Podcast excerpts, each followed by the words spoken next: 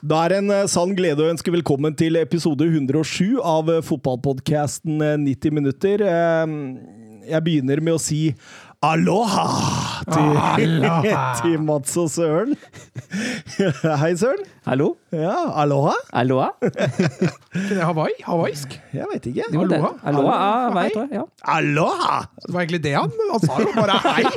Når På skrem- hawaiisk? På hawaiisk. Når du skremte han selv. Åssen går det, gutta? Da er det fint. Jeg har vært og klippet meg i dag, så det, det var eh, Det var luftig. Det var sommersveisen på plass. Deilig. Det er, litt, det er litt funny. Jeg har vært hos han et par ganger før. Han er jo en, eh, det er en vitnamester med, med kone som driver den frisørsjappa. Frisørsalongen heter Martins frisør. Så jeg har lurt på hvem av de to som er Martin. Så jeg måtte jo spørre, men eh, de snakker ikke så godt norsk heller, så jeg fikk ikke noe svar. altså. Nei. Så du fikk ikke svar når du spurte? Nei, jeg veit ikke hvem av dem som er Martin ennå. Nei, det Nei, det, det, veit ikke jeg heller. Veit du, Søren? Nei, jeg har ikke peiling. Det er ingen av dere som klipper dere der, altså. Jeg klipper meg hos uh, samboeren min. Ja. Ja, Hun er jo gammel frisør og har alt utstyr hjemme, så det, det går veldig fort. Selv om det ikke alltid ser ut som jeg har vært hos frisøren. Noen ganger ser det ut som du har gjort det sjøl. Noen ganger ser det ut som jeg har gjort det sjøl. Men eh, Søren derimot, og din eh, perfekte Han bytter ikke frisør med det første. Det tror jeg ikke. Nei, ikke hvis han har funnet den rette, i hvert fall. Nei, men jeg har en frisør rett, ned, rett nedover gata, sånn tre-fire-fem minutters gangvei fra meg, og det er jo helt perfekt. Jeg er fornøyd. Så, uh, ja. Søren bør ikke si noe heller da, når han går inn, for frisøren veit akkurat hvordan han skal klippe Søren. Ja, ja, ja. Ja, nå har jeg vært der i fire-fem år. Ja, Og du har ikke bytta sveis en neste gang. Du har samme sveisen hver gang. Ja, det, Hvis du ser på gamle Facebook-bilder av Søren, Ja, da, så er det da er det litt andre ting, da. Hatt den sveisen siden han var to år. I wish. Eh, Men eh, en ting jeg skulle eh, si angående det med frisører, det er at eh, når jeg bodde på Grünerløkka i min tid, da gikk jeg til en eh, dame som var på hjørnet av Marcelis gate der. Hun, hun var litt sånn eldre dame som hadde sin egen frisørsalong og hadde vært der veldig, veldig lenge. Og jeg, jeg gikk jo inn og sa det vanlige sånn en gang i måneden. Og så en gang så spurte han meg. Du, Thomas. Ja, sier jeg. Jeg skal ikke lage sånn Beckmann-sveis på deg. Beckmann? Ja. Og jeg bare tenkte, er ikke det en skolesekk, eller åssen sveis skal jeg få nå? Men da var det Beckham-sveisen min, da, vet du. Fikk du det? Eh, nei, jeg sa at jeg klarer meg med den. Du Jeg, har sånn Ronaldo-sveis du fra ja, sånn med sånn der, ja! Det var ikke den, sånn. den videoen på YouTube er Ja, helt nydelig. Når han det? ungen spør faren sin han skal ha Ronaldo-sveis, og så kommer far, klipperen med den stygge Ronaldo-sveisen. Det er bare én Ronaldo.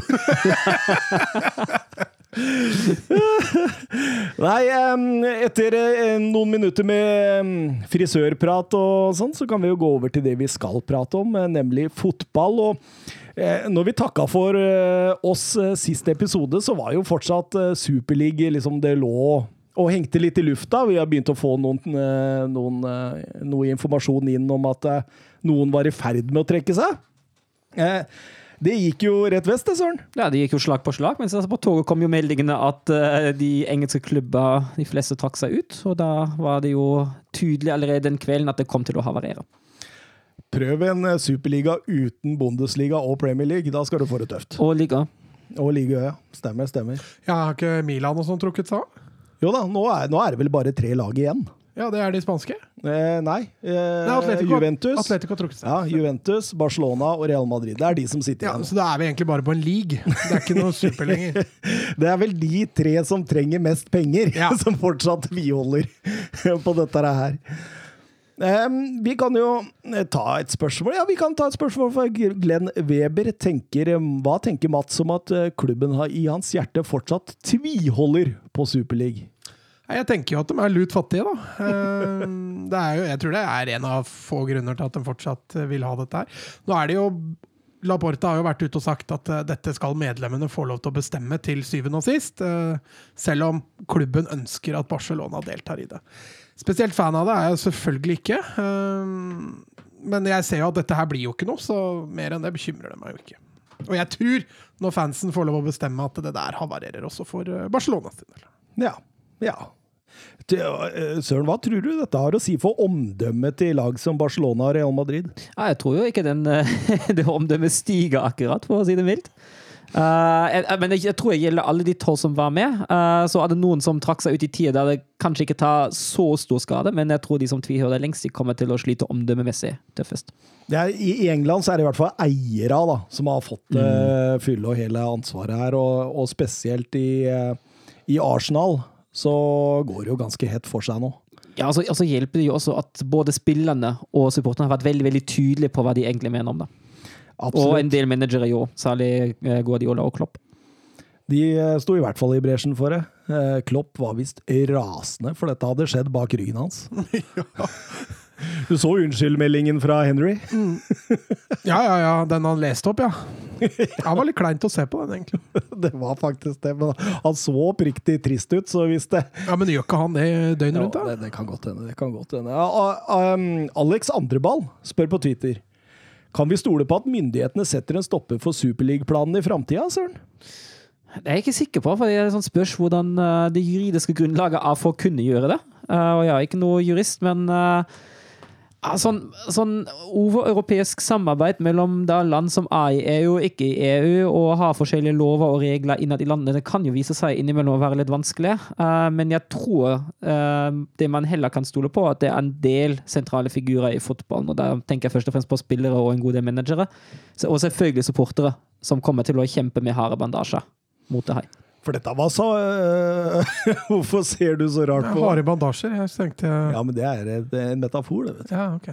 Men Mats, Ja. eh, jeg hadde egentlig et godt spørsmål til deg, men så satt det spørrende ansiktsuttrykket meg Ja, jeg bare tenkte harde bandasjer. Tenkte jeg hva hva bruker det til? Men det er kjempe... Nei, Du får spørre den, da. Spør. Ja, ja, Han sitter ved siden av her, Ja, liksom. hva bruker man harde bandasjer til, Søren? Nei, men uh, det er, det, Jeg veit ikke hvor det uttrykket kommer fra, men det er jo, en, uh, det er jo et uttrykk når man uh, kjemper hardt. Ja, det var ikke noe mer enn det. Du må gjerne Tror det var harde gamasjer han mener. Ok. Nei, men jeg er fullstendig enig med Søren. Jeg, jeg tror ikke Altså ja, det, det Tror du blir ikke dette er langt fram i tid? Blir en realitet? Jeg har hørt du si det. Eh, det, er, det er jo ikke umulig. Det Altså, ikke det. til syvende og sist så er det akkurat nå så er det penga som styrer. Men du, du må jo finne en løsning uh, som uh, jeg, jeg, jeg har mer tro på at eh, under Uefa at man klarer å, å få til en løsning Ja, men som det er på så en måte korrupt det Uefa-greia nå. Det er ikke til å stole på, det heller.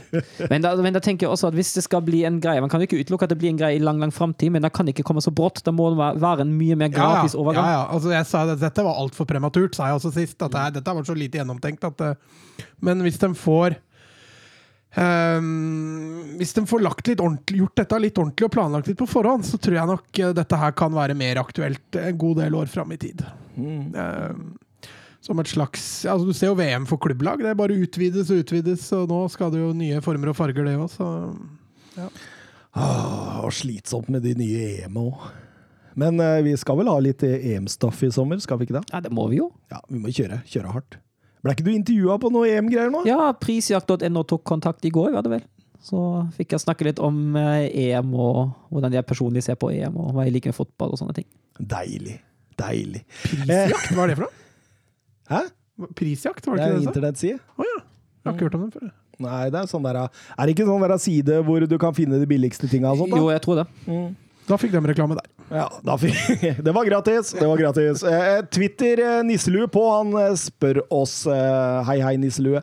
Det spekuleres i at Uefa kommer til å straffe Real Madrid og Florentino Perez eh, for superligaplanene gjennom kontroversielle dommeravgjørelser mot Real Madrid i Champions League.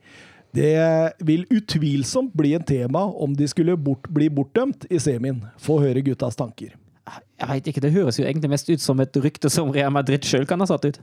Det får bare, får helgardere seg. Vel, jeg husker vel en tid med Mourinho da de mente at eh, Barcelona fikk fordel ved dommene fordi de hadde Unicef på draktene mot Real. Det husker jeg. Det, jeg syns det går litt sånn i samme gate, egentlig.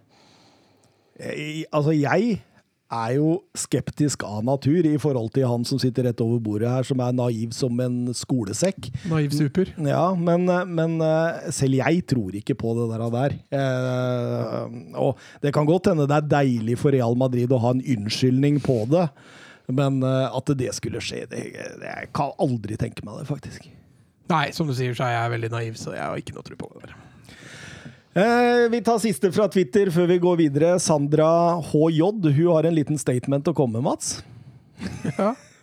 Hvis, nei, hils, hils Mats og si at det er et hån mot Target å mene at meling er bedre.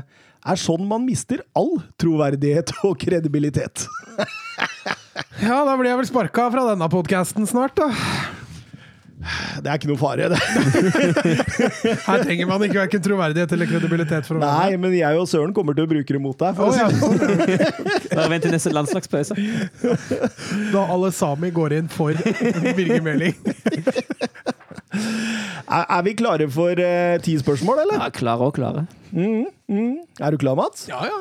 Eh, sto- Nå, nå må du vinne i dag, Mats, for å liksom på en måte henge litt på den der. ja, ja. Um, oppvarmingsspørsmålet er en eh, såkalt uh, annenhver gang. Uh, men dere skal få hvert deres uh, te, Altså ikke tema, men hvert deres Nå skal jeg forklare. Vi skal til, semi, nei, vi skal til CL-finalen i 2002. I Glasgow mellom Bayer Leverkosen og Real Madrid, som endte 1-2 til sistnevnte.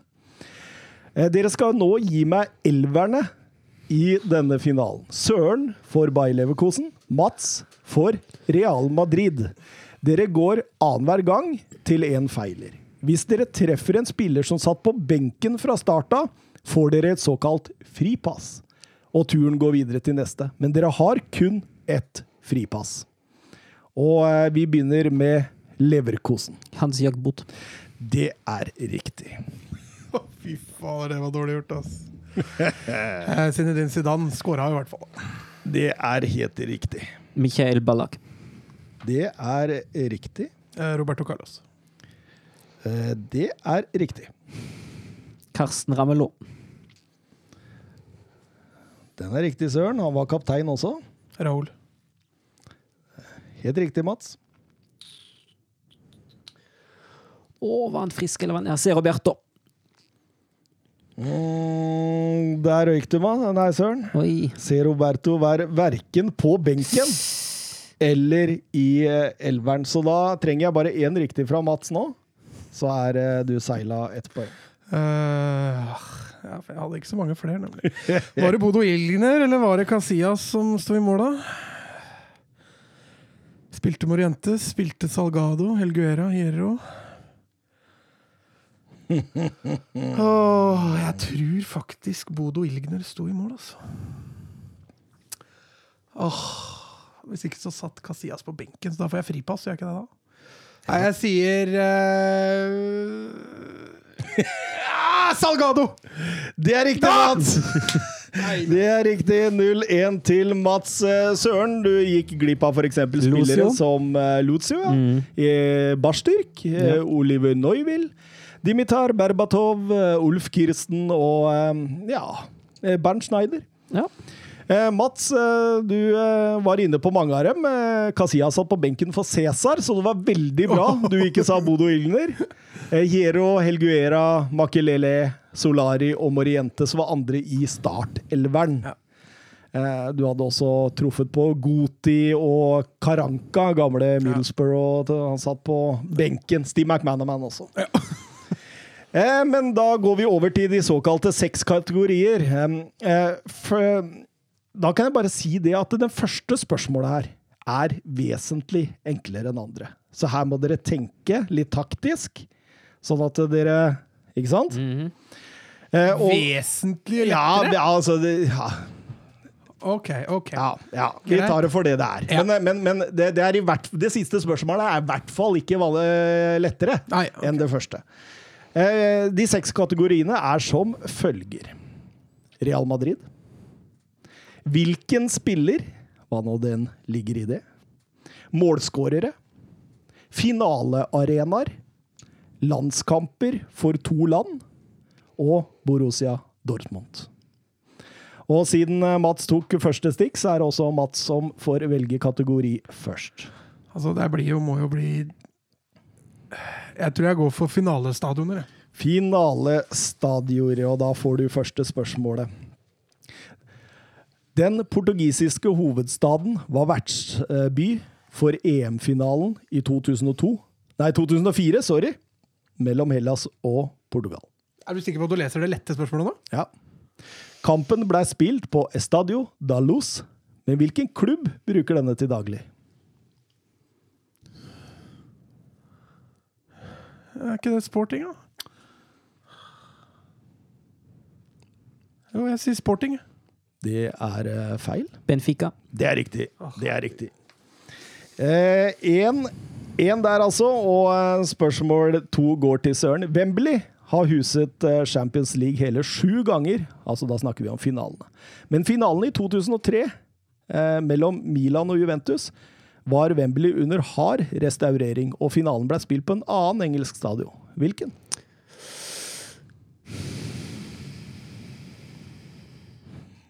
Old Trafford. Det er riktig, Søren. 2-1 til Søren og Søren. Du eh, velger kategori. Real Madrid. Real Madrid.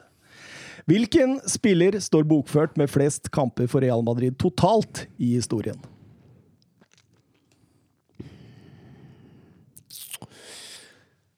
Å, det bør jeg jo vite, egentlig. Nei, jeg må jo gå for Ika Casillas, ja. Det er eh, feil. Er du sikker? Ja. Totalt. Totalt. Uh, jeg trodde det var han, jeg òg. Beroligende. Han har flest eh, La Liga-kamper for Real Ja, Madrid. ok, da. ok da, ok da. Gir du hint, eller? Nei. Ikke et hint. Fader, da. Dette skulle være det lette. har jeg gått litt hardt ut? Det får vi se på. Jeg vet du hva, jeg ble satt ut jeg, på den Benfica-spørsmålet. Nå er jeg helt Thomas Edvardsen. Nei, da, da, er jeg, da er jeg blank. Eh, Det står mellom Hierro eller Raúl, men eh, det, jeg tror ikke det er noen av dem heller. Jeg går for eh, Raúl. Riktig, Mats 2-2. Eh, da får du det neste spørsmålet. Det vanskelige i Real Madrid-kategorien. Hvilken manager var den siste som vant La Liga minst to sesonger på rad med Real Madrid? Åh, to sesonger på rad! Mhm. Nå kan jeg ikke resonnere, høyt heller nå. Oh. Hvis jeg svarer feil her, Søren, så bør du svare Mourinho, for det er den andre jeg lurer på om det kanskje er. Søren. Psykiske spill er i gang her. Nei Det må eneste jeg kan tenke meg at det er, i hvert fall i nyere tid. Da. Jeg kan jo ikke så mange Real Madrid-trenere på 90-tallet, liksom. Nei, si Del Bosque. Det er eh, feil, eh,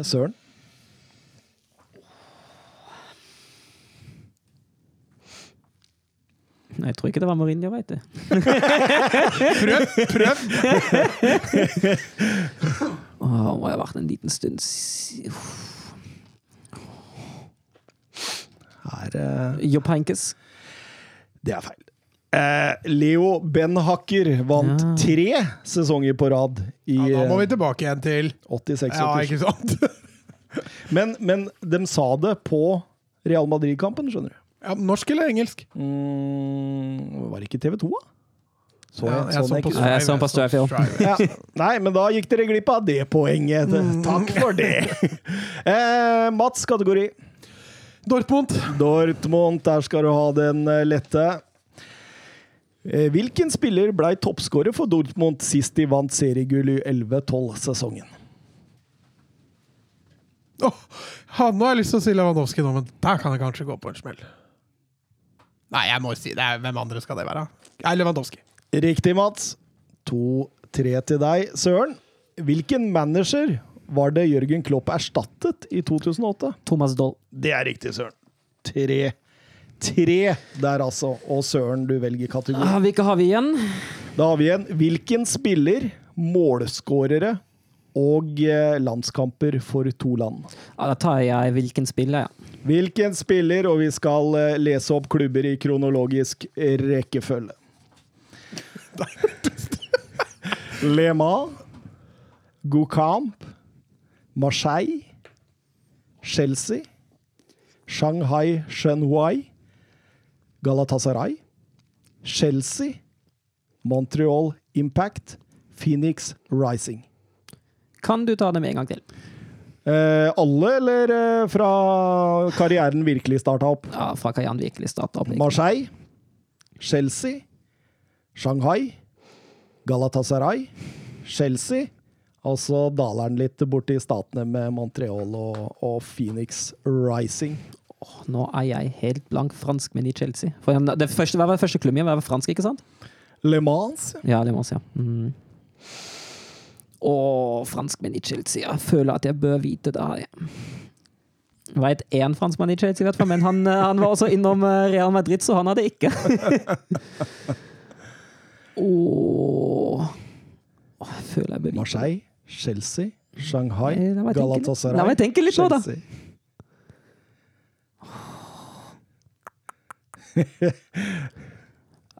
Denne satt jeg og vurderte er den for lett, men der ser du hvordan når man lager spørsmåla, hvordan uh... Du kan ikke gi et lite hint om tidsperioden her? Nei, nei, nei, jeg fikk ikke noe hint i stad. Ja, men det var jo fordi du ikke hadde sjans hvis jeg svarer feil. Ja, men det er fordi jeg kan det. Det er ikke nåtid. Nei, Så det er en stund siden, ikke sant? Det er ikke en stund siden heller. Altså, det er ikke Vi, vi snakker ikke eh, tilbake til uh, Dennis Wise-tida i Chelsea. Nei, Liksom. nei, nei, men um... Åh, så fryktelig blank på denne. Det er helt sykt. Nå må vi nesten uh, ha et uh, eh, Michaelis igjen. eh, Det er uh, feil. Drogba. Drogba. Ja, helt selvfølgelig. selvfølgelig Drogba. Herregud. Eh, Da blir stillingen eh, 3-4 til Mats, og det er Mats som får neste. Den er litt tøffere.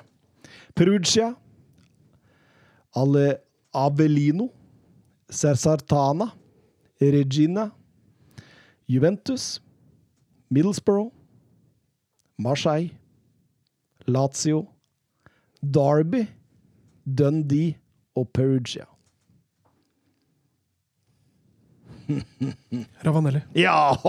Der Det er er, sterkt, altså. der er det sterk, Mats. Der er det sterk.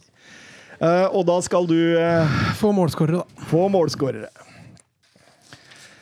Ok. Siden Alexander Lacassette ble toppskårer i Ligue Ø for Lyon i 14-15-sesongen, har toppskårertittelen vært utdelt til kun Paris Saint-Germain-spillere, med ett unntak. Sist sesong delte en spiller fra et annet lag denne tittelen med Kylian Mbappé. Nå får du vanskelige spørsmål nå, Søren. Og det er kjipt å ikke kunne resonnere lenger. Å bare resonnere oppi sitt eget hode, det går ikke. Det blir dårligere podkast Ja, tror jeg. Du må sitte oppi huet og resonnere. Men jeg, det Forhåpentligvis, da, hvis du er lytter nå, så resonner litt sjøl. Vær med på dette. Nei, Jeg må bare svare Depay, altså. Det er eh, feil, søren. Ah, ja, herregud. Det det var vel den sesongen som ble avbrutt pga. Av korona i fjor. Helt riktig, så det var bare 18 mål på de to Kylian Mbappé og Det glemte jeg å resonnere. Da kunne jeg selvfølgelig ha svart riktig. Dembélé. Det er feil. Wissam Ben Yedder i Monaco. Så da er stillinga fortsatt eh, 3-5 til Mats, før Søren får spørsmål to i kategorien målskårere. I Premier League-historien har kun seks spillere passert det magiske 30-målsbarrieren. Men kun to av dem er aktive i dag. De fire andre er Alan Shearer, Robin van Persie, Tiar Ari og Kevin Phillips. Altså 30 mål i én sesong? Ja, helt riktig. Skal du ha begge? Begge. Å, fy faen. Vet, vet du hva? Nå, det, det, bare for å legge press på det, dere. Jeg spurte dette spørsmålet til min samboer, og hun klarte det. Harry Kane er den ene. Jeg kan ikke si Du ja kan ikke eller si nei, nei eller nei. så du må komme Um, er begge spillere fortsatt aktive i Premier League, eller bare aktive som fotballspillere? Uh, det vil jeg heller ikke si noe om. Mhm. Mats fikk et lurt smil der. Ja, fordi Jeg trodde et lite sekund hvem jeg visste det det var, men så datt jeg litt ut. Nei, Harry Kane og Sergio Aguero. Oi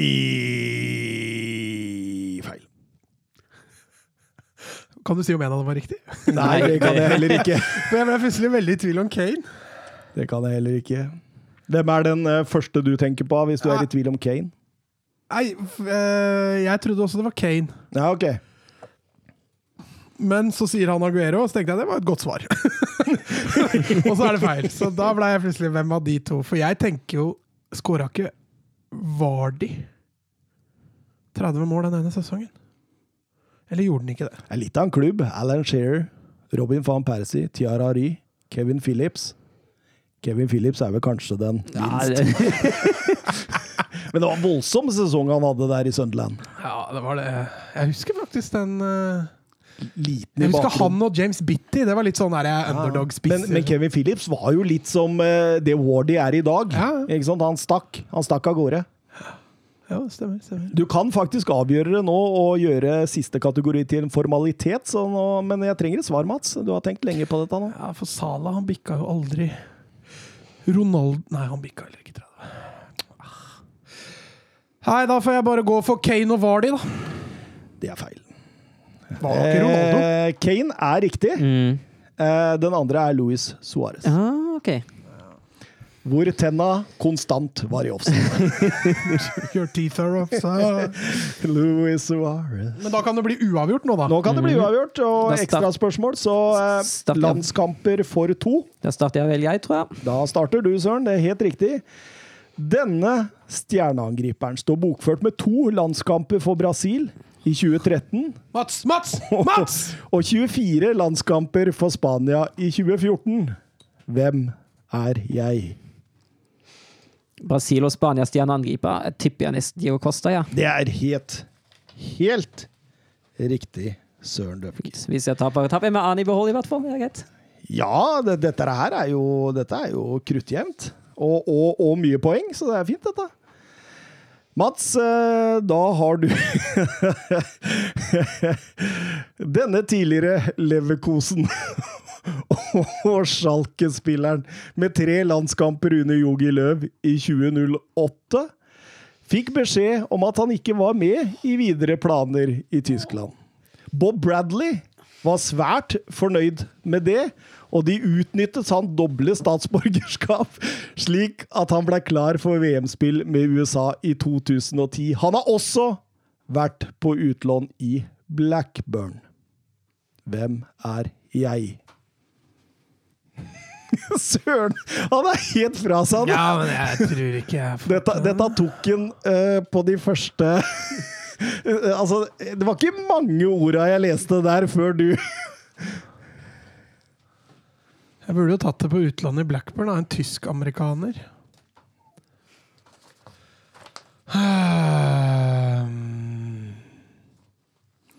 Når var det han fikk landskamper for Tyskland? 2008? Jeg sa jo i 2008, ja. Da fikk han tre under Jogi Løv, og så fikk han beskjed om at eh, vet du hva, du kommer ikke til å få noen flere landskamper for oss. Ja, hvem kan det ha vært, da? Eh, USA Bob Bradley han takka ja. Han uh, tok han med seg til VM i 2010. Ja, og da ja. fikk han en god del landskamper uh, for USA etter det. Det der tror jeg helt sikkert jeg veit, når du sier det. Du, du, han har vært innom eh, favorittklubben din? Ja, jeg veit. Det var der jeg burde tatt det. Uh, Louis Holtby er der nå, men han tror jeg ikke har noe for Amerika. Amerika. 2010, da er det jo en stund tilbake. Det var ikke da jeg fulgte med Blackburn så nøye, vet du. Dette her uh, Sørland tripper, Mats. Han tripper. Etter å, å uh, få det spørsmålet her. Kan jeg spørre tidsepoken når han spilte i Blackburn? eller? Eh, Det har jeg ikke skrevet ned, faktisk, og det veit jeg ikke. Men det, det, det var på utlån fra Sjalke, så vidt jeg, jeg veit. Ja, der har Holtby vært. Ikke han, vet du. Hei, det her eh, sitter eh, fryktelig langt inne Tim Howard. Og så hadde du med Brad Friedel. Nei, han var ikke der. Nei, jeg må si eh, Nei, jeg har faktisk ikke peiling. Pass. Søren, Jermaine Jones. det er eh, helt riktig, Søren, og det er 5-5. Har du ekstra spørsmål? Det er derfor jeg blar i. Ja, gi oss ett poeng hver, da, så er det greit. Skal vi gjøre det? Ja. Det blei uavgjort, da. Meget bra, gutta. Eh, Da kjører vi intro. Messi surging forward with real menace here. Messi.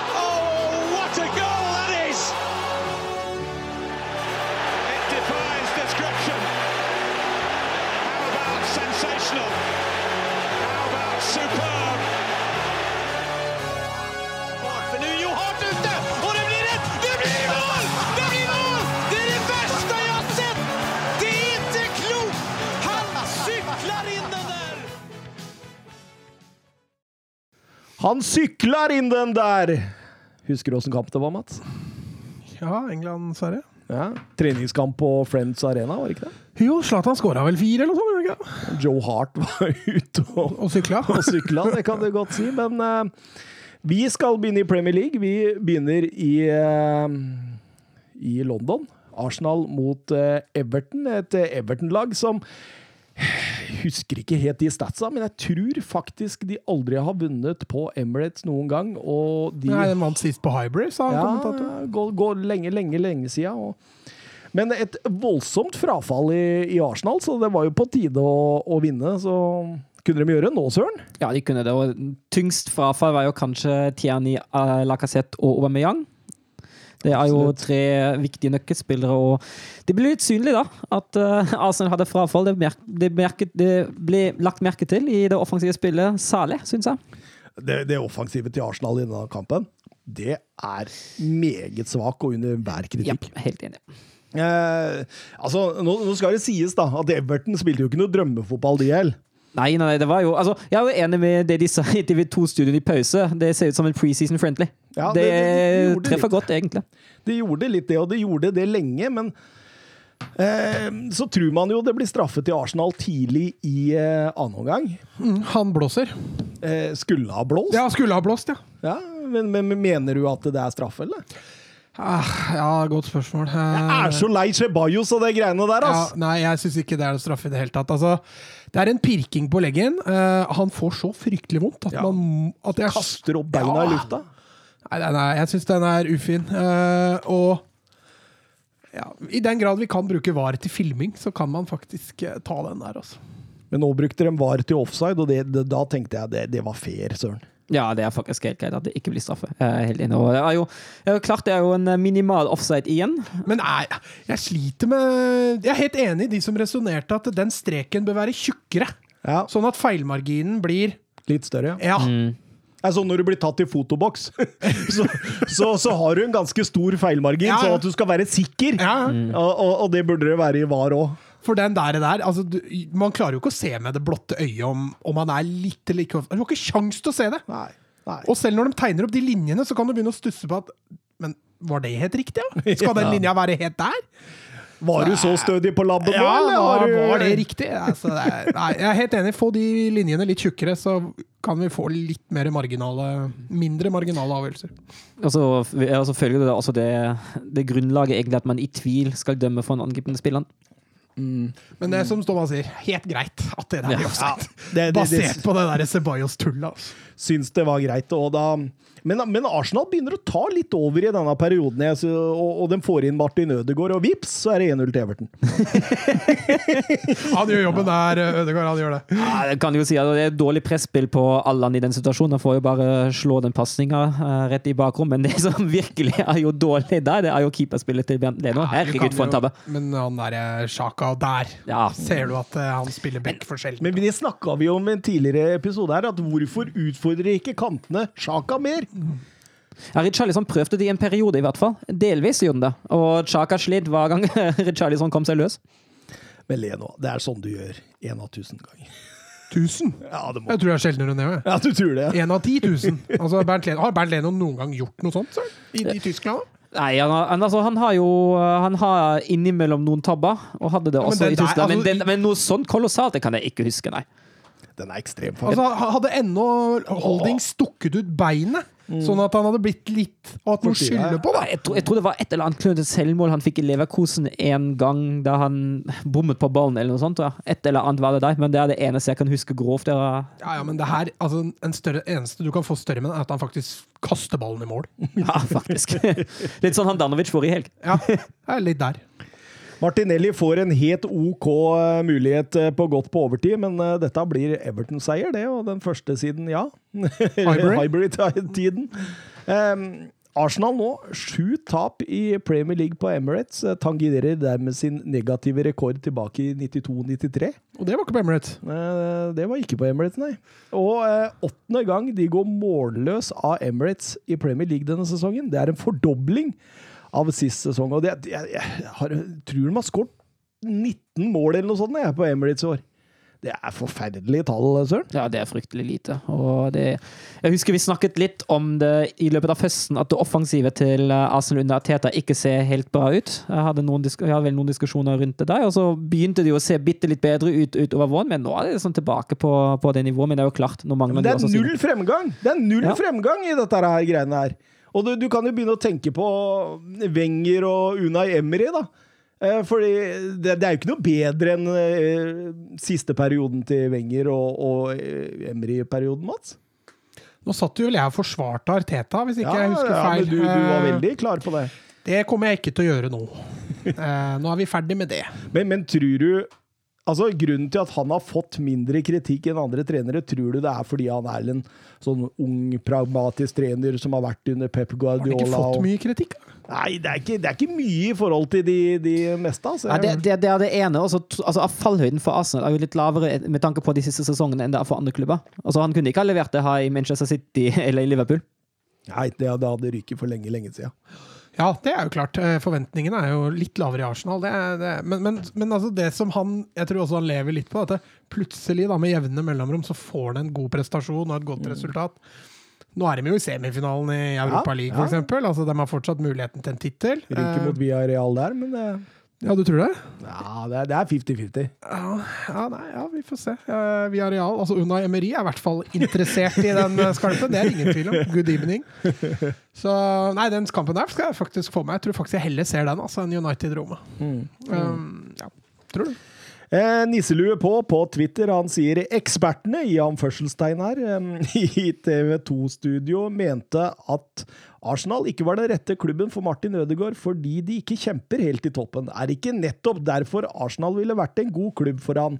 Når skal norske fotballsynsere erkjenne at Martin Ødegaard ikke er noen ny Luka Modric, Søren? Ja, jeg er helt enig med Nisselue her. Eh, altså, hvis Martin Ødegaard hadde vært i en toppklubb, hadde han ikke fått i nærheten av den spilletiden han får i Arsenal. Han hadde ikke fått den spilletiden i Manchester City eller i United, det kan jeg ikke se for meg, og i hvert fall ikke i tiåren.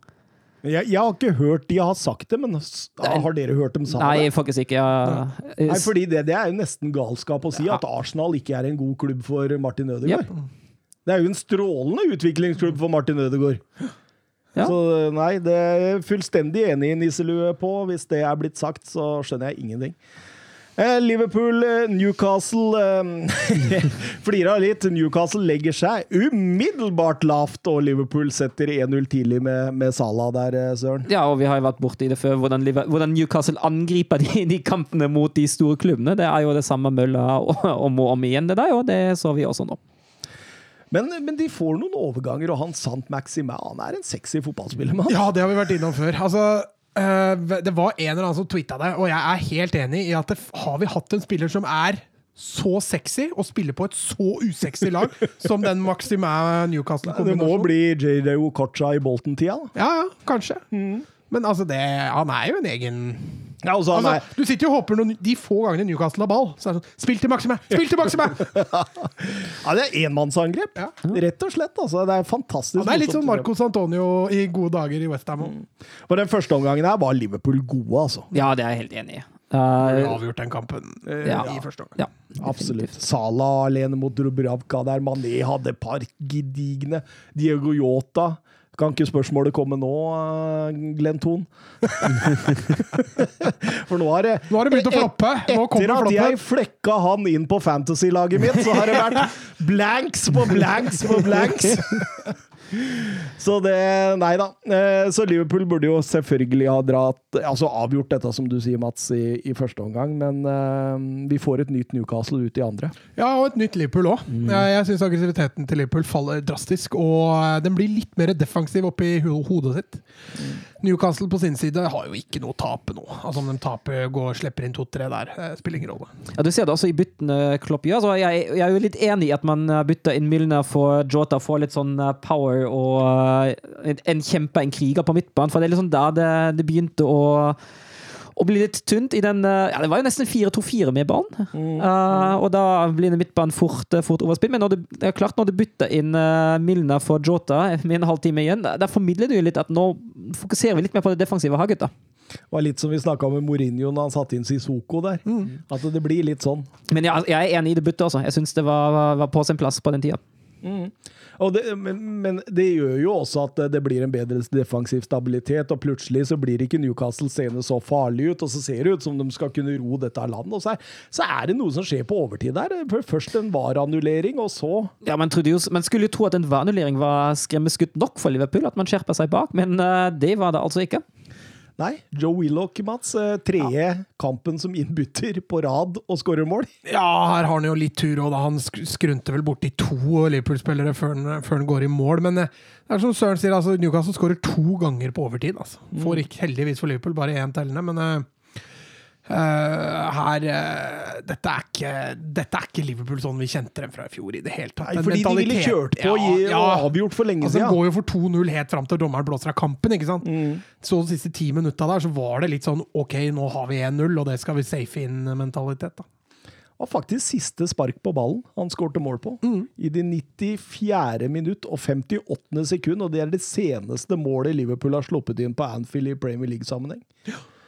Oskar Carveio Holm spør på Twitter hva tenker dere om de siste fem minuttene av Liverpool mot Newcastle. Nei, står til stryk, de. Ja, For Liverpool sin del, ja. For Newcastle var det jo Ja. oppløftende. Så du trynet på Klopp, eller når den Ja. Men så du trynet på Steve Bruce, eller? Han var glad! Han var glad, og så skuffa når det ikke blei det første gangen. Nei, vi tar tak i det positive, Thomas. Vi gjør det. Ja. vi gjør det. Westham, Chelsea eh, Skulle vi ikke ta tak i det positive? Nei, for det, det var ikke mye å snakke om her. Eh, men, men Chelsea er solide, Mats. Å, utvilsomt. Eh, jeg, dog, når det er sagt, eh, så syns jeg Westham har et par veldig gode perioder i den kampen her. eh, I hvert fall før de får en mann mindre. Eh, jeg syns ikke Chelsea sitter her og har stålkontroll gjennom den kampen. Altså, og, og litt mer dyktighet foran mål for Westham, og litt mer presis i de eh, kontringene, spesielt i ankomstfasen, så ville, kunne de ha skapt mer trøbbel for Chelsea enn det de endte opp med å gjøre. Men Søren, din tyske venn Timo Werner, han eh, kom på skåringslista før pause. Ja, Han kom på skåringslista. Gjorde det åpenbart veldig godt for ham å avfyre en, eh, en stor kamp. ja, du tenker på intervjuet etterpå? Ja, jeg tenker på intervjuet etterpå. Er jo, Fantastisk. det er jo gull. Gull. Han, han ble jo spurt eh, om eh, den Chelsea-skåringa nå mot Vestheim var det viktigste han hadde fått Chelsea-svaren. Ja, det var ikke så mange å velge mellom. Før han drar til med at eh, Hvis jeg hadde skåret et par mål, så hadde jo det blitt for mye. Nei, jeg bare tuller. Nei, men altså, jeg, jeg tror det falt en god, uh, en god vekt fra skulderen. Altså, jeg, syns, jo han spiller bra. Han fungerer jo i en falsk nierrolle som eh, som Havertz har jo fulgt ut ganske godt uh, de siste kampene, men jeg syns også Werner han er god til å møte, han er god til å stikke. Han er også god til å angripe de riktige rommene når ballen er der oppe. Så jeg syns jo han spilte en uh, veldig god kjentkamp. Ja. Skal jeg fortelle dere noe eh, morsomt? Han er den Chelsea-spilleren denne sesongen med flest målpoeng. Totalt, eller? Ja, totalt. Ja, for jeg hørte han nå like mange som toppskåreren i Chelsea i Premier League. Ja. På seks mål. Det er deilig. Det er deilig. Det er litt spektakulært, da. At laget som altså ligger der og kjemper om Premier League, også toppskårerne, toppskårerne, har seks mål. Nei, det Timo Werner har elleve. Ja, men ikke i Premier League. Nei, det kan godt hende. Han har i hvert fall 20 eh, totalt, da. Ja. Eh, målpoeng, og det, det er jo ikke så gærent, altså! Nei, problemet er jo uh, Alle han har bomma på. Ja, det er akkurat det. Han kunne jo hatt eh, i hvert fall dobbelt så mange i Premier League. Han kunne hatt stått med tolv i Premier League lett, om han var litt mer effektiv. Men så tenker man jo at eh, nå skal Westham kjøre litt, og vi får en sluttspurt. De har jo virkelig kvaliteter. Moi sender inn Ben Rama og Lanzini. Ofrer Noble, og, og det, det er åpenbart. Nå skal vi kjøre. Og så får vi kanskje Premier Leagues Altså i hvert fall årets dummeste røde kort. Kanskje med Kanskje med unntak av Zuzek, når han prøver å, å dra Westham har virkelig fått det! Ja, ja. Ah, Jeg, sa, jeg sa det når vi kom opp her, at Westham har vært veldig uheldig med de røde korta sine her, og den eh, Altså, i beste fall kan vi kalle dette et uhell. Og det er i beste fall. Ja, altså tenker jeg altså, Har de folka som avfyrer dette, har ikke spilt sjøl? Sannsynligvis ikke. Altså, det er, jo, det er jo egentlig en klarering, og så løper Chilwell er det vel inn i klareringsbevegelsen til Balbuena og blir truffet. Ja, altså, ok, som Mats sier, uhell, altså shit happens, men Eh, Hvordan kommer både VAR og hoveddommer fram til at det er rødt? Nei, det er, jeg, jeg skjønner ingenting av det. Jeg, jeg ble helt sjokkert, faktisk. Det var sånn hæ? Ja, men når han da skulle bort og se på skjermen, så skjønte du hvor det bar. Ja, ja, selvfølgelig. Ja. Selvfølgelig. Eh, på Twitter spør eh, Sander Midtstuen hvor stor skandale på en skala fra 1 til 1000 er dette røde kortet. 2000. Det er egentlig godt nok svart. Vi går over til vår hovedkamp eh, på Ellen Road.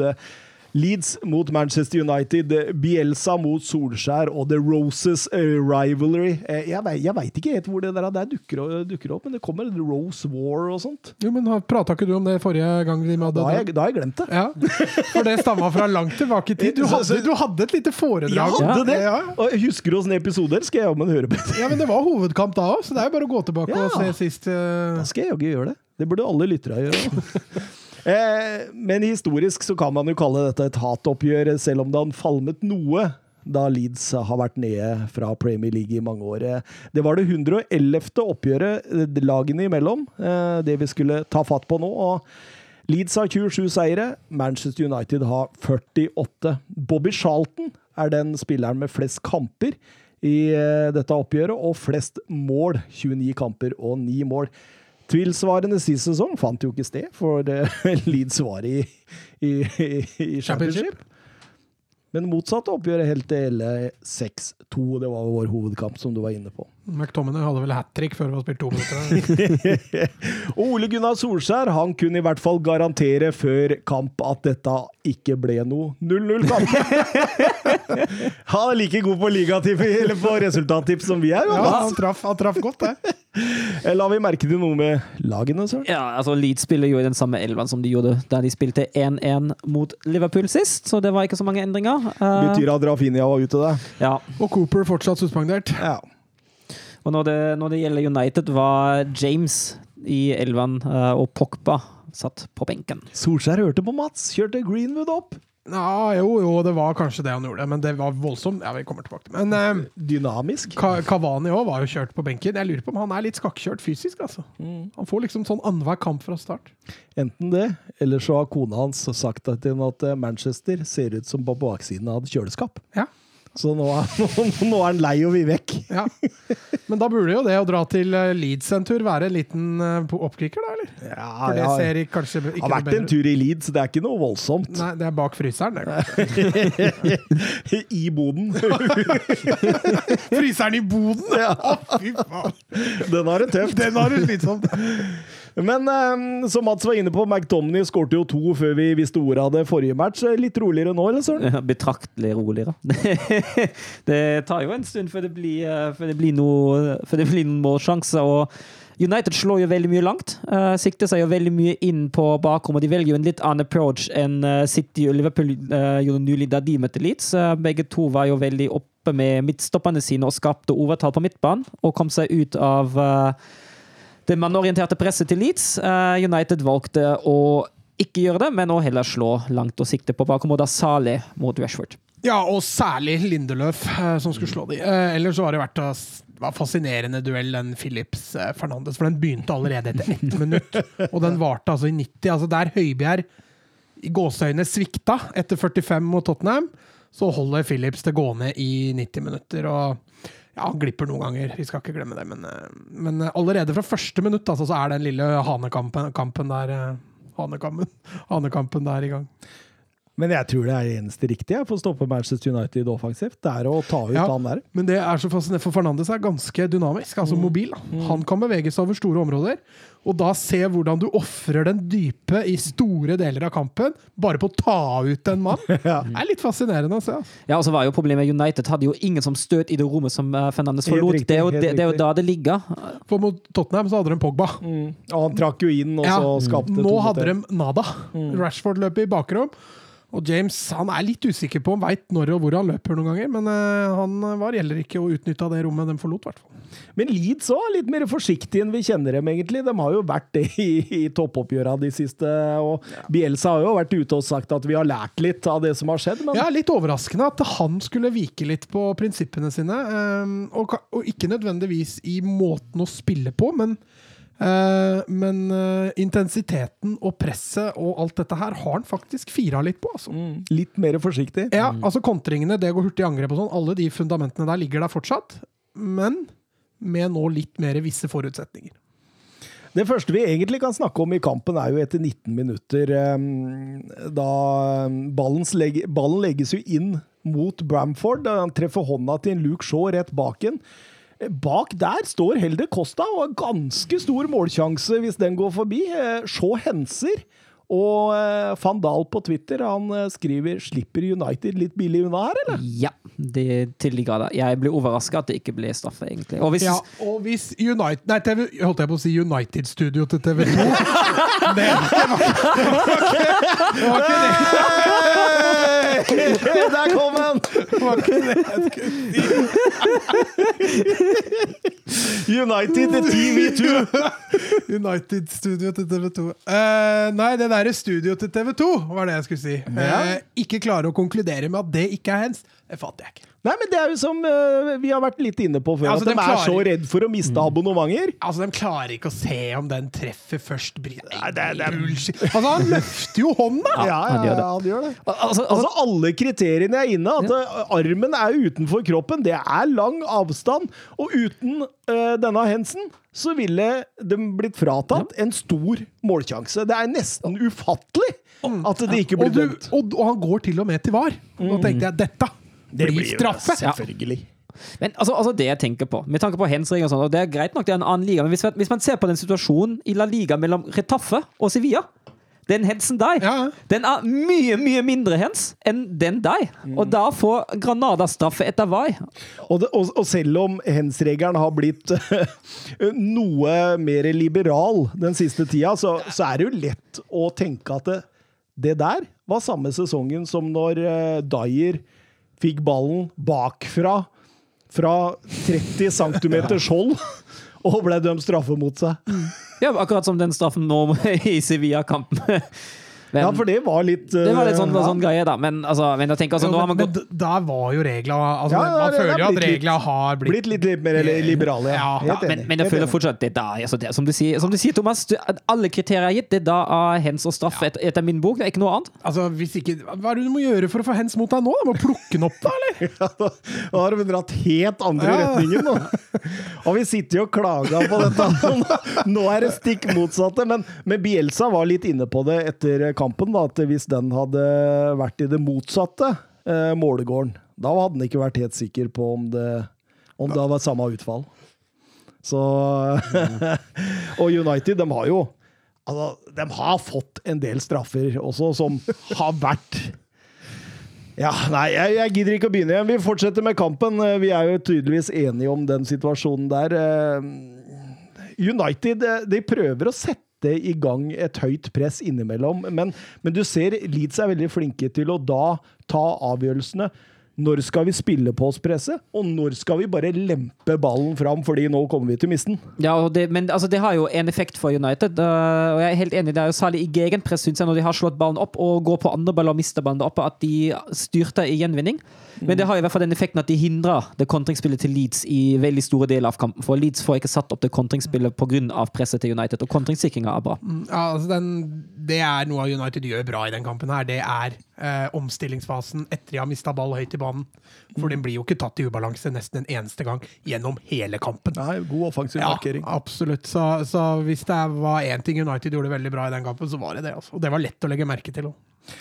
Men det har knapt nok vært noe skudd på målene i løpet av første omgang, og når vi går ut i annen omgang, så syns det det ser ut som en periode at uh, nå tar United tak i det her.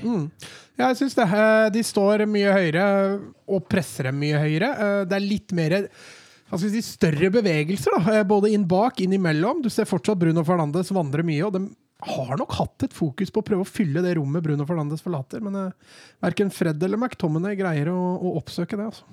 Bruno Fernandes med kampens største mulighet etter 57 minutter der når Aron van Bissaka gjør en strålende offensiv jobb på høyresida, Mats. Ja, han, eh, han glimter til, kan vi si. Han, eh, han skal ha skryt når han fortjener det, så den, eh, det var en bra involvering. av Bruno Fernandes Det var ikke en bra kamp av Aron Ja, jeg syns det. Jeg syns han spilte både offensivt og defensivt. Jeg syns han var brukbar i denne kampen, ja. Har han fått poeng, eller? Av meg har han det. Ja, det det kan godt hende, det kan godt hende, Mats. Oi, oi, oi. Nå har du den både på laget ditt på draften og poeng! Dette lover ikke bra. Ja, hele United-forsvaret. Ja. Bortsett fra Luke Shaw!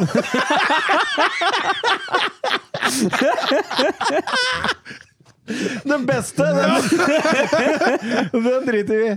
Men, men, men samtidig, altså Det jeg tenker Hvor stort savn var det også å ikke spille med Rafinha i denne kampen?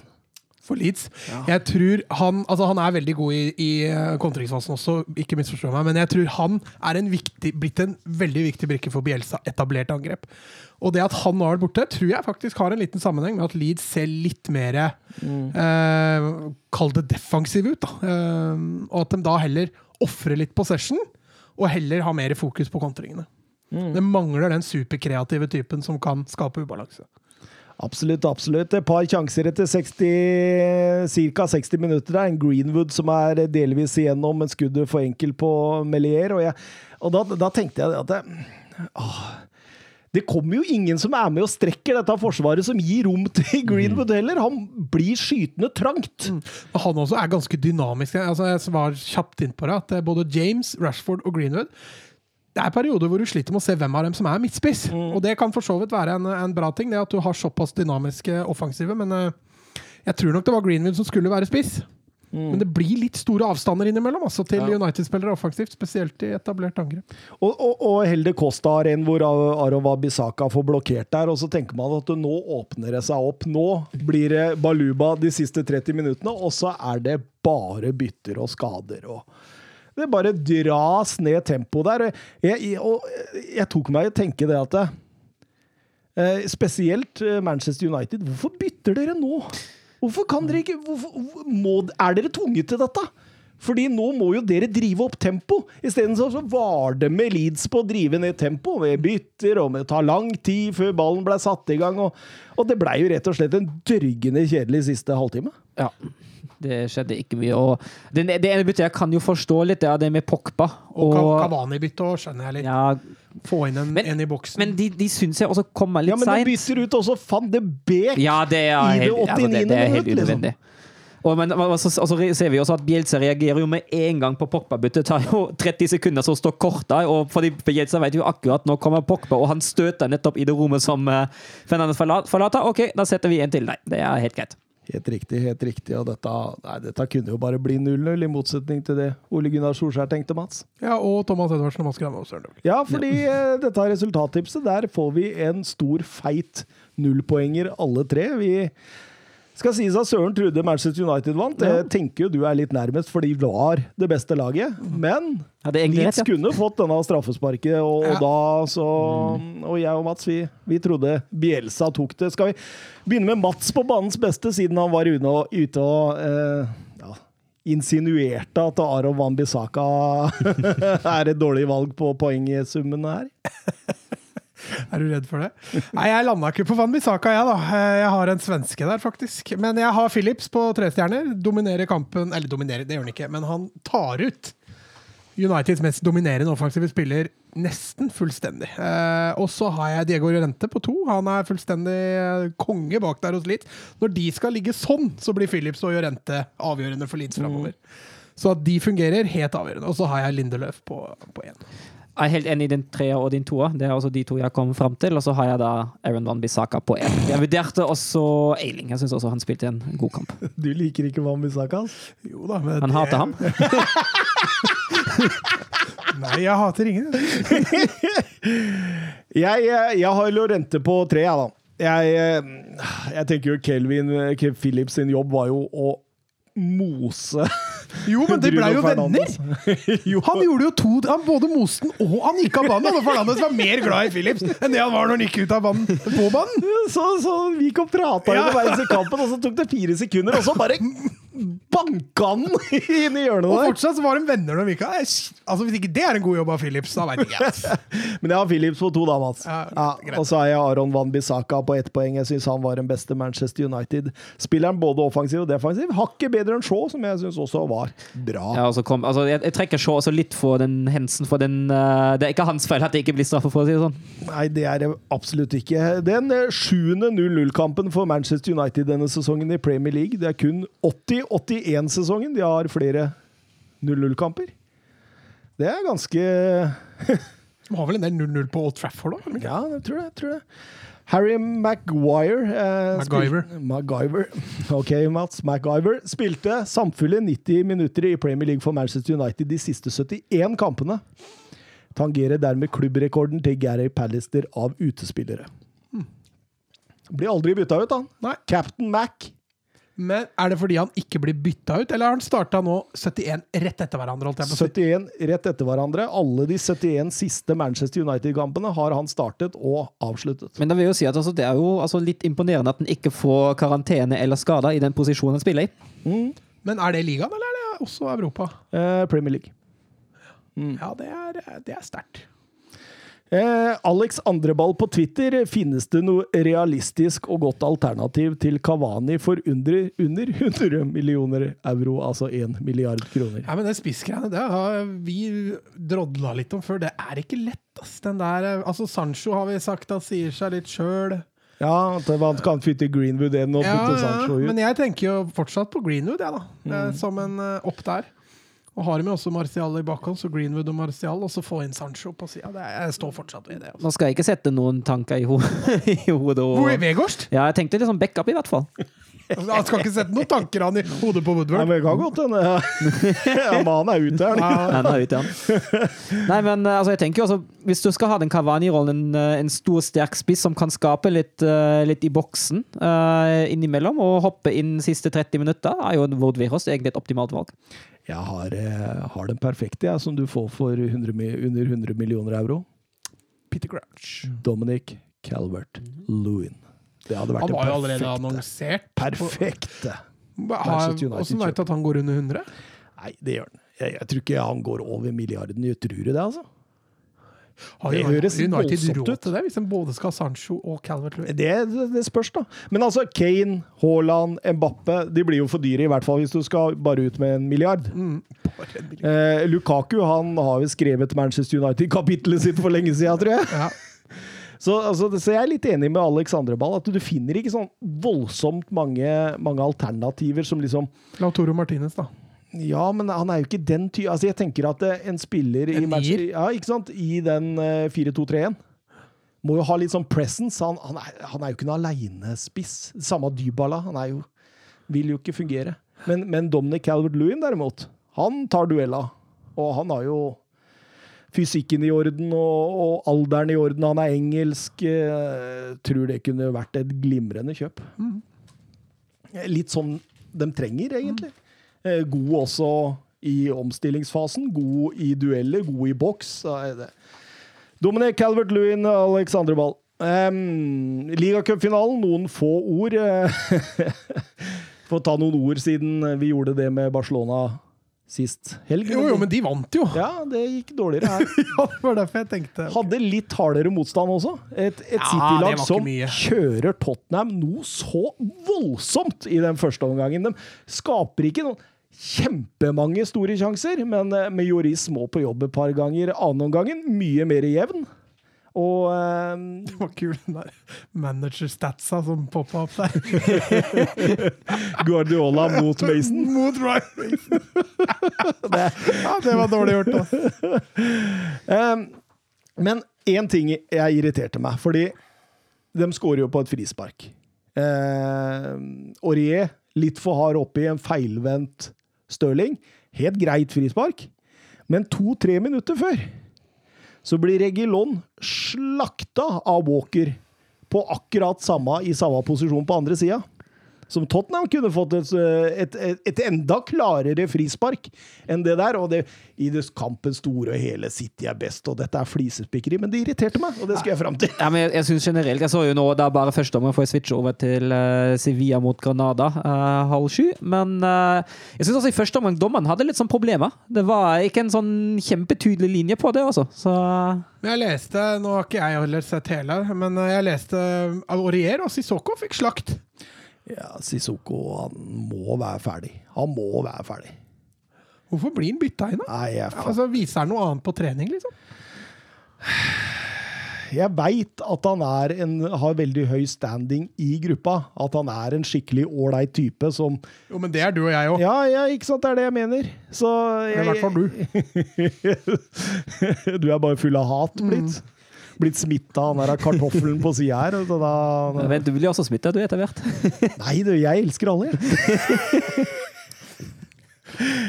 men men eh, poenget er at det, grunnen til at jeg driver og blar i telefonen min her, er at jeg skal finne et par Twitter-spørsmål angående Tottenham Hotspur, men eh, hvor i alle dager de er, det kan du lure på. Jo, jeg fant en nå.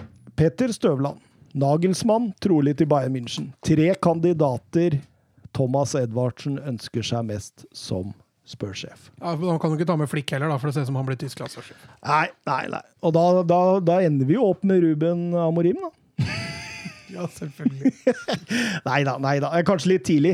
Eh, Blei veldig, veldig eh, tent på Ralf Ragnhild-linken. Eh, hva skjer, Mats? Nei, ikke noe. Ralf Ragnhild til Tottenham, det må jo må det ha vært dritkult for Tottenham. Ja, jeg, jeg, jeg, jeg syns den er fin. Eh, Kan han engelsk? Jeg, tror, jeg vil tro det. Altså, han har jobbet som sportssjef i store klubber ganske lenge. Altså, han har jobbet i eh, Red Bull uh, Red Bull Jeg tror han må kunne engelsk, altså. det, det, det tror jeg en klubb også Ragnhild kunne funnet ut at den vil jeg ta. Og det, det har vært spennende å fått inn det systemet inn i Tottenham. Hvor gammel er han nå blitt? 62, tror jeg han er. Han holder noen år til, Mats. Han holder ut et par år til. Ja, hvor gammel er Hodge, da? Nei, han er 94, tror jeg. Ja, han passer pass, 90, ja. ja. Ja, det tror jeg. Men eh, andre trener jeg tenker på, det er jo Erik Ten Hag. Eh, Ajax-treneren som eh, ja, Han har gått i en skole i Bayern München, og så, og så dro han tilbake igjen. Er det ikke så, Søren? Jo, det kan godt stemme, det. Under Guardiola, til og med. Spennende type. Veldig sånn 4-3-3, eh, trekantspill og, og presspill. Så kan jo være interessant når man har gått uh, halvannet år med Mourinho. Det blir omveltning. i hvert fall. ja.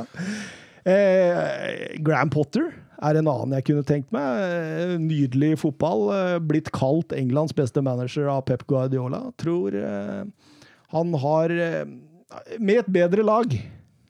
Men Men han tror jeg også har forutsetningene til å gjøre det bra med gode lag. ja, jeg tror det. Eh, litt annerledes enn f.eks. Brendan Rodgers, som jeg tror over, par, over lengre tid ikke vil få det til i store klubber. Ja, og Brendan Rodgers er jo en trener jeg ikke vil ha. For det blir for meg veldig Altså, jeg skjønner ikke hvorfor han blir hypa så i sosiale medier for tida. Altså. altså, det blir jo som å ansette en Mourinho 2-0. Ja, han er litt bedre offensivt, kanskje, da, men han er jo fortsatt defensivt orientert. Ja, ja, absolutt. Og det, det, det vil eh, bli sånn at vi legger oss bakpå kontrer mot de beste laga under Brendan Rodgers også. Hva med Steve Bruce, da? Nei takk. Han gjør jo bra nå, da. Han gjør, under forutsetninga. altså, hadde Rafa Benitez hatt de resultatene som Steve Bruce har med Newcastle nå, så hadde han blitt hylla. Men uh, Steve Bruce, han skal de ha vekk, altså. Men eh, det kan jo ha noe med hans eh, Fortid. aner og, og diverse. Antonio Conte er en jeg også tenkte litt på, for han er jo i stadig klammeri med Inter-styret. Er ikke han i klammeri uansett hvor han snur seg? Så ser han folk han ikke liker. Men, men det hadde vært en artig type, men samtidig også Tenk deg han og. Daniel Levi på det møterommet der. Altså, En av de går derfra haltende, det er det ingen tvil om. Jeg bare ser for meg Daniel Levi det bru bruker tupé! Kommer ut med samme sveis!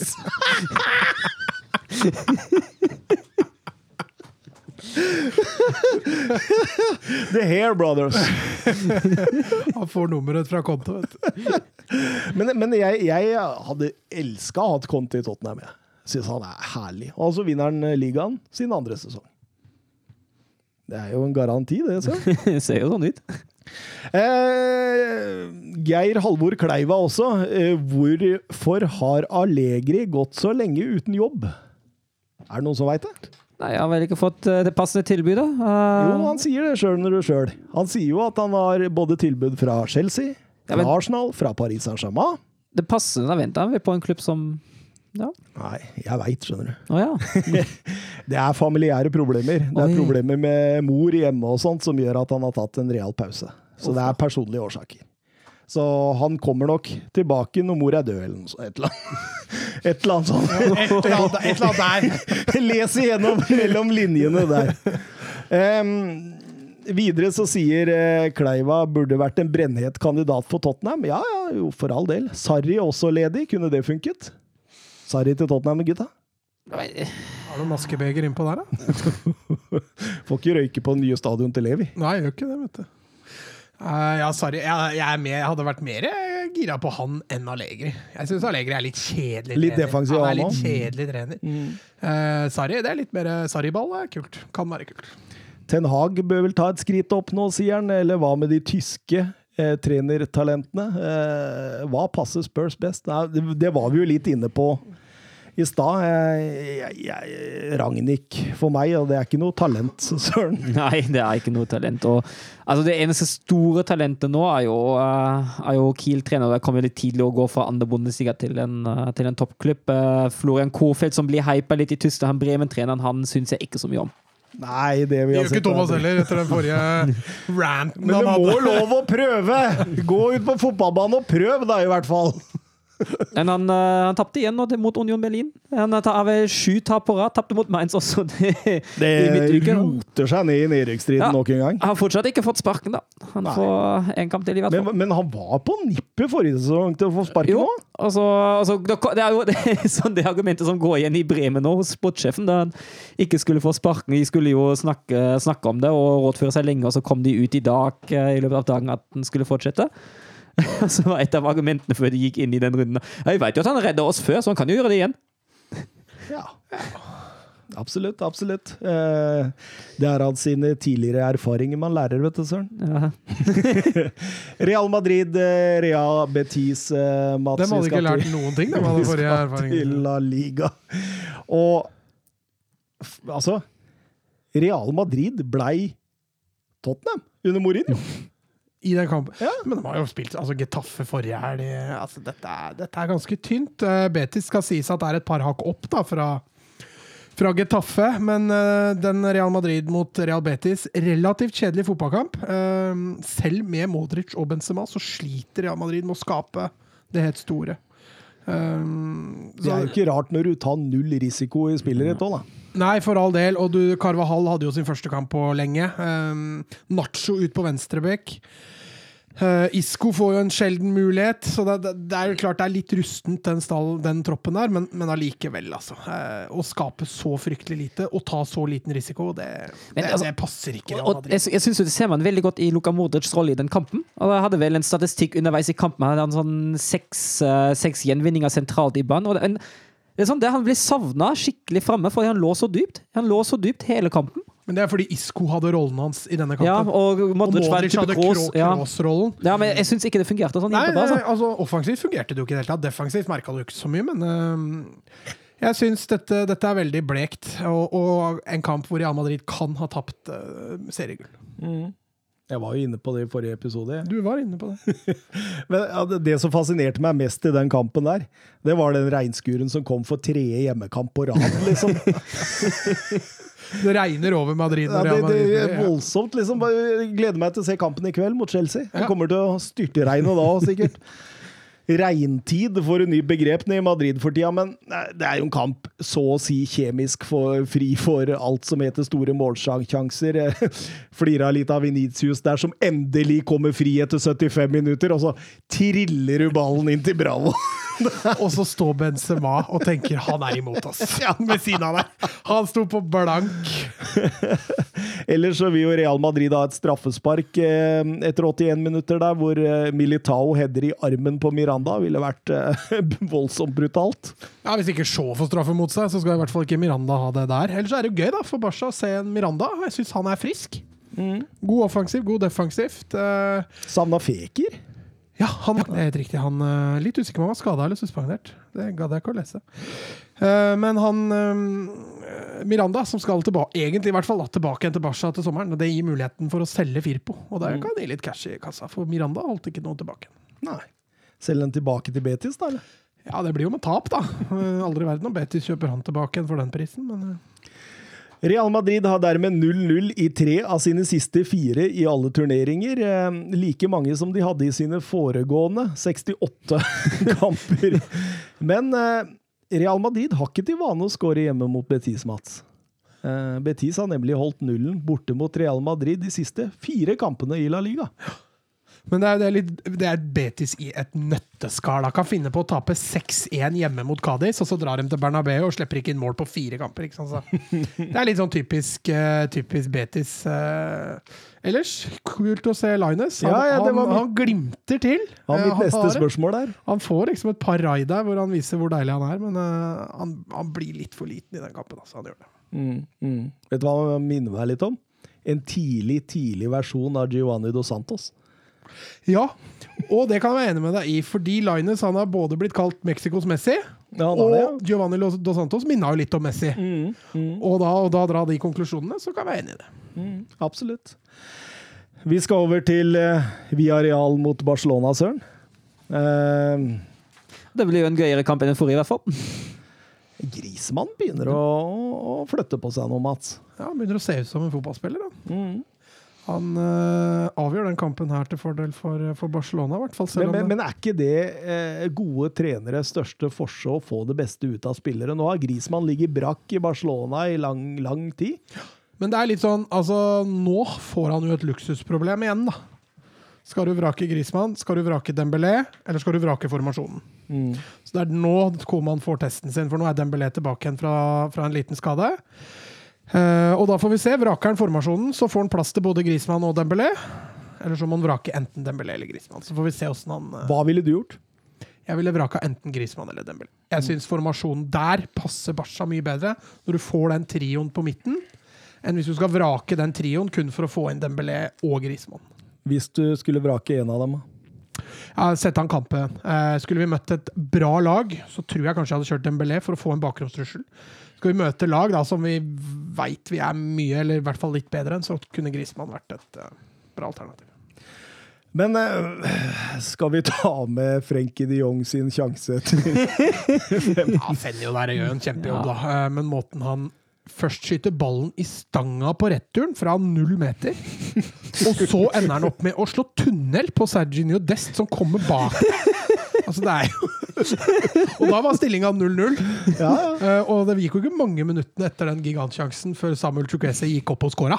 Nei, helt riktig. Det var Chukwese sitt eh, tredje mål på siste tre i La Liga. Før det tok det 60 La Liga-kamper for å oppnå tre mål, så er eh, denne lynhurtige spilleren i gang, Mats. Ja, men han, han kommer til å bli skada igjen.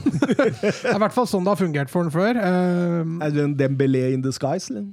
Ja, han er jo på en måte det, bare at han Han er en litt annen spillertype. da. Men uh, han uh, Også som jeg har nevnt i samme åndedrag som Linus, fryktelig spennende spiller. og jeg syns han viser det til tider også i den kampen, her, at han, han er litt av beholdningen offensivt altså, for, eh, for Villarreal. Han skåra vel to i kampen i Europaligaen når de gikk videre også, så han, han skårer litt der òg, da. Men eh, det var denne Antoine Griezmann, da, søren. Ja, så var det en uh, fin, eh, lang bakromsball av uh, Mingueza, var det vel? som Nei, det var Foyt. Var det Foyt? Ja, det var, det var på andre mål, du.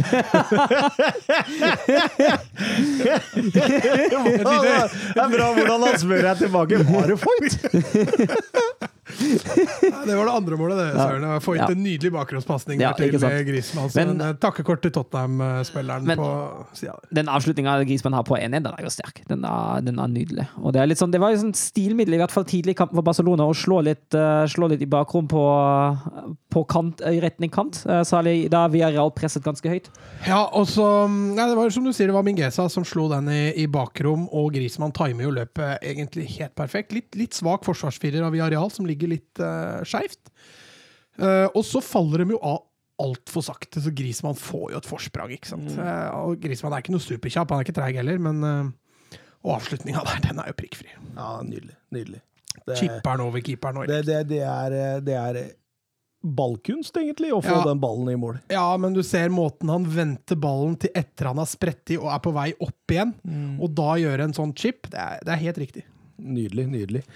Og da går Barcelona til eh, pause med 1-2, da, etter at eh, Joan Foyt eh, forærte Grismann den. Og det er jo tidvis Barcelona mot Asenjo, her.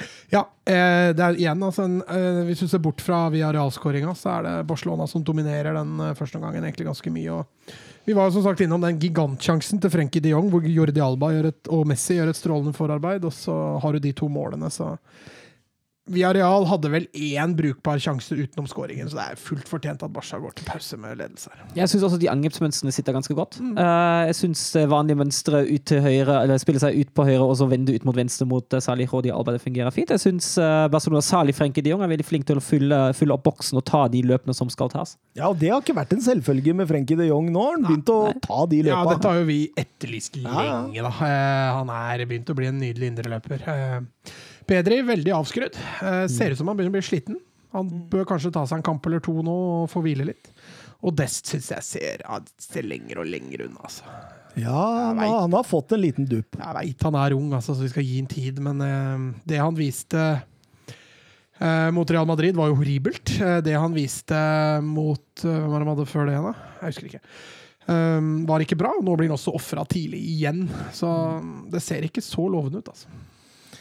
Men uh, ute i annen omgang der, så syns jeg Via Real blir litt mer proaktive. De blir flinkere til å demme opp for Barcelona, og det blir litt mer kamp før eh, Manuel Trigueiros uh, pådrar seg et direkte rødt kort der. Han får en litt lang touch. Ja, han feilberegner, og så går han inn så det synger etterpå der på, på Messi. Ofte av de blir ender med gult. Jeg syns ikke det er feil at det blir rødt, eh, i Nei. forhold til det å beskytte spillere og måten man går inn på sånn. Eh, Men han kan takke litt seg sjøl. Den første touchen Trigeros har der, er, eh, den er altfor lang. Kom kommentatoren der òg, jeg hørte på norsk akkurat da, jeg, på Strive. Jeg flira meg i hjel. Han var sånn Fy skam deg, gutt! Fy skam deg! Og så har du, så har du baller nok til å klage på det der òg! Var Var det han ja, det er var det han du jeg- refererte til, han som Og, og, det, det, det, og jeg forsto jo veldig godt hva du snakka om i forrige episode. Fordi når eh, eksempel Grismann mottok en feilvendt på 30 meter, så var det Ja, han bygger spenning rundt du eh, skvatt jo i sofaen der, men, en nydelig type, virker det som. Veldig framoverlent kommentator. Tenk å ha hatt han på podkasten her, da. det hadde vært artig. Og er det noen er det Men, men eh, da blir det jo også grei skuring til Barcelona. Frenkie de Jong han bommer nok en gang på da skipper en ball utafor der som er Han er så stor. Ja, Dembélé som spiller den gjennom igjennom der. og Igjen en svak avslutning fra, fra de Jong, og han går nok i seg sjøl etter den kampen. Hadde det der blitt uavgjort, så hadde nok Frenkie de Jong blitt sittende igjen. Men, men det jeg likte, eller ja, ja jeg kan si, gjerne si likte med Barcelona nå, er at du ser nå at eh, de tre poengene her, de var så viktige at nå stengte dem litt igjen mot slutten. Altså, de tok mindre risiko. Du så De drøyde til og med. Ja, ja, ja. Og, og, og var litt mer kyniske. Eh, og de tre poengene her er uhyre viktige. Ja, og Så kan du jo stille deg spørsmål om dette hadde gått hvis Viareal hadde vært 11. For jeg er ikke noe glad i den safinga her mot et lag som er bedre offensivt enn en defensivt. Så um. Men det er også spørsmål om Barcelona hadde safa mot 11, da. Jeg syns, jeg syns egentlig de utnytta veldig godt en enemann med å stenge av ganske fint. mm, jo da, de gjør det perfekt. Jeg har ikke noe å si på det. Uh, så får vi jo se, da. Nå, som du sier, nå ble det jo Nå har Barca det i helt egne hender. faktisk. Eh, jeg har jo allerede utropt dem til seriemester. Ja, Nå har jeg ikke den statistikken her, men jeg tror sist et lag tapte begge El Clásicoene, da selvfølgelig Real Madrid eller Barca, og vant La Liga, det tror jeg er en del år tilbake. Ja. Og i 2001, året 2001, så har Barcelona tatt 46 av 51 mulige poeng i La Liga. Sa, du 2001, eller 2021? 2021 skulle jeg i hvert fall si. Det var det som var meningen. Ja, det var det jeg skjønte når du Ja. landa med poenget der. Ja. Um, Det er enorm form. det er enorm form, ja. Også, men alene, da. uh, dette har vært innom før. De har vunnet én viktig kamp i år, og det var cupfinalen. Du sitter her altså med to Real Madrid-tap, ett Atletico-tap, ut i Nei. Messi Og så skal jeg lage dikt av det! Skal jeg lage det? Vet du hva? Det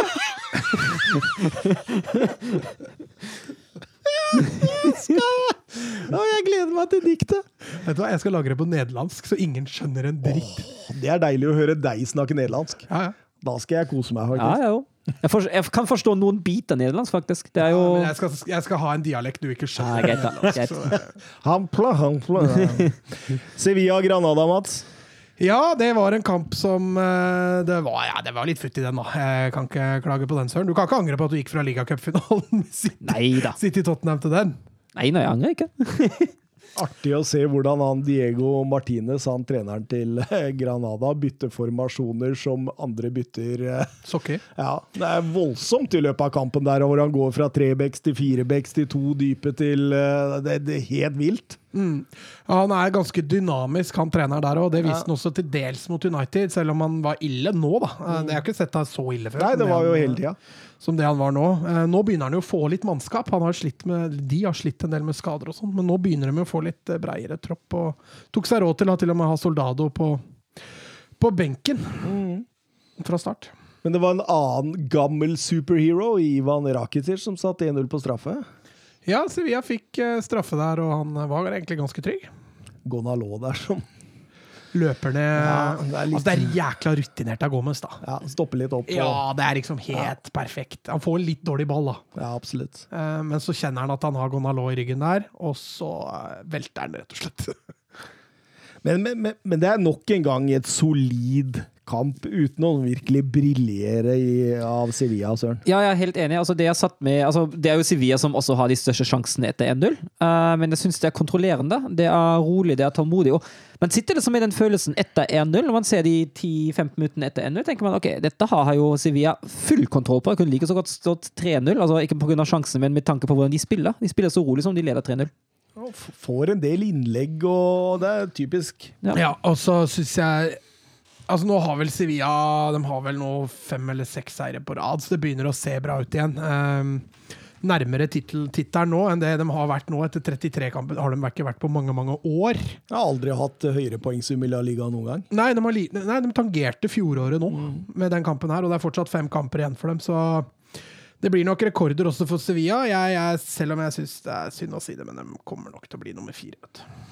Lucas Ocampos setter 2-0 tidlig i annen omgang, og, og, og det går jo inn i en kontrollfase, som vi sier. Og Ja, Da var rollene snudd om. Da var det Papu Gomez som serverte Ocampos, som kommer inn i boks egentlig på samme måte, bortsett fra at han får skyte i. eh, og da blir det mål istedenfor straffe. Så går via via der. eh, Via en stopper og via David Via. Ja, går via via. via via. Men eh, Soldado setter 1-2 mot slutten på straffespark. eh, vi- Hvis altså, d- Der ser du jo også liksom i forhold til Manchester United hva de slapp unna, da. Ja. Nå er jo dette, som Søren sier, riktignok en annen liga, men, uh... Men hensregelen skal jo være lik i hele fotballen. ja, Det, spiller, det skal ikke være sånn rolle om det er spansk første nivå, engelsk første nivå eller norsk åttende nivå. Det skal ikke ha noe å si. Men vi må bruke et par minutter på det som skjedde på slutten der, Mats. Ja, han blåser jo av. Han legger jo egentlig til eh, fire minutter, og så blåser han av etter tre. Eh, Det skaper jo litt rabalder, og dommeren står jo der på banen og forsvarer og viser fram klokka til spillere. Og jeg tenker jo umiddelbart at her har dommeren vist feil på tavla. At det er bare tre minutter Ja. som er lagt til. Og Sevilla-spillere går jo i garderoben og kler av seg og gjør seg klar til å dusje. Og så får dommeren illebefinnende og sier at det er greit, vi fullfører det siste tilleggsminuttet. Tror ikke jeg var som har sagt at du Vet du hva, her eh, Jo, minutt? jo, vi men altså, minimum ett minutt, og det er jo helt riktig. Ja. Men hvor ofte ser vi ikke at dommeren er- blåser av ti er- sekunder før Det er jo helt galskap. Og når du ser de bildene av Konya som sitter og kler på seg igjen der, Ja, ja. Og, og Fernando som går med trøya i handa og er utrolig spesielt. Ja, det er, det er veldig sjeldne scener man så der. Og jeg får bare nesten si heldigvis, så greide allikevel Sevilla Ja, for dette blei jo en negativ greie for Sevilla. Ja, det Ja, selvfølgelig. Altså, Det har vært mye bedre å spille de fire minuttene ut enn å plutselig da må omstille seg igjen. Nå skal vi ut og levere ett minutt til. Et minutt, ja. Eh, skal sies det at eh, Granada var jo langt unna målet på det minuttet, så det Det stemmer, som hadde jo grei kontroll. Men eh, nei, det var spesielle scener eh, på slutten der. Loppetegi forbanna, eller? Det tror jeg. Jeg, jeg tror han var skikkelig sur, faktisk. Selv etter han blåste av for andre gang der. Men du så også når dommeren blåste av der, så var han i tvil på om han skulle gå bort og takke Martinez for kampen. Ja. For han var litt sånn Er kampen ferdig? Var, var, var, det ikke mer, nei? Men han gikk liksom bort og stoppa, så gikk han litt til, og stoppa, så gikk han litt til. Så var, han var ikke helt sikker sjøl. Vi skal over til Atletic Club mot eh, Atletico Madrid, og det var Atletic Club med fem strake uavgjort i La Liga, Mats. Det er ikke lett å slå. Nei, de er ikke lette å vinne heller. Ja, men, De eh, har jo faktisk tapt to cupfinaler eh, den måneden her. ja. Så de sitter nok ikke med sånne voldsomt gode følelser eh, sånn finalemessig, men, eh, men et, et eh, Atletico Madrid-lag som har variert veldig i det siste. Går fra 5-0-seiere til å tape og spille uavgjort. Så du gikk jo med en veldig spent følelse inn til den kampen, her, for her visste du hva som helst kan skje, faktisk. Syns Atletic Club var strålende, egentlig, i store Ja. deler av kampen. Jeg er helt enig. Jeg syns den, eh, den matchplanen de har lagt seg, går, går egentlig, fungerer egentlig nesten perfekt. Jeg syns de er veldig gode til å til å stenge av bakover, og kontringene er jo alltid interessert. Og er jo på kontring de får 1-0, og Via Libre og Capa fikk jo Atletico Madrid ikke kontroll på i første omgang. Capa, det var strålende. synd han måtte ut. ass. Ja, nydelig. Beholdning, rett og slett. Ja, han var nydelig. Og den derre d- han har der, hvor han drar seg Og så får han ikke frispark! Mm. Jeg ble helt satt ut, men eh, Nei, det var synd han måtte ut med skade, for han var, han var bra. En annen som var, jeg lot meg imponere voldsomt over, var målskårer Berenger. Eh, spilleren som kom fra Torino i vinter, var det det? Stemmer. Strålende eh, Var med i oppbygningen til målet der og, og stuper inn 1-0. Uh, Ja, Der er de jo litt heldige, da, for den går via før han får den, men, uh, men timingen ellers var jo strålende. Og Atletico Madrid så å si ingen, ingenting, altså. Nei, den første gangen der var, eh, den var, må ha vært katastrofe for Simeon. Altså. Og så tenker jeg, altså, den, den eneste som virkelig tar noen gode bevegelser opp, det er Korea. Det er den ene spilleren som virkelig, virkelig beveger på seg. Ja, og det er den eneste offensive omtrent som er i god, god form òg. Resten av laget ser jo er jo i litt sånn skraltende form offensivt. De har jo ikke spisser heller, da. Det er jo ingenting. ikke sant? Altså, ble, Simione ble vel spurt om, om, eh, om hvorfor Suárez ikke starta, men det, var vel, det gikk på at eh, han ville gi de som vant 5-0 forrige kamp, en ny mulighet. For så vidt fair enough. Eh, men her kunne han tatt grep før, altså.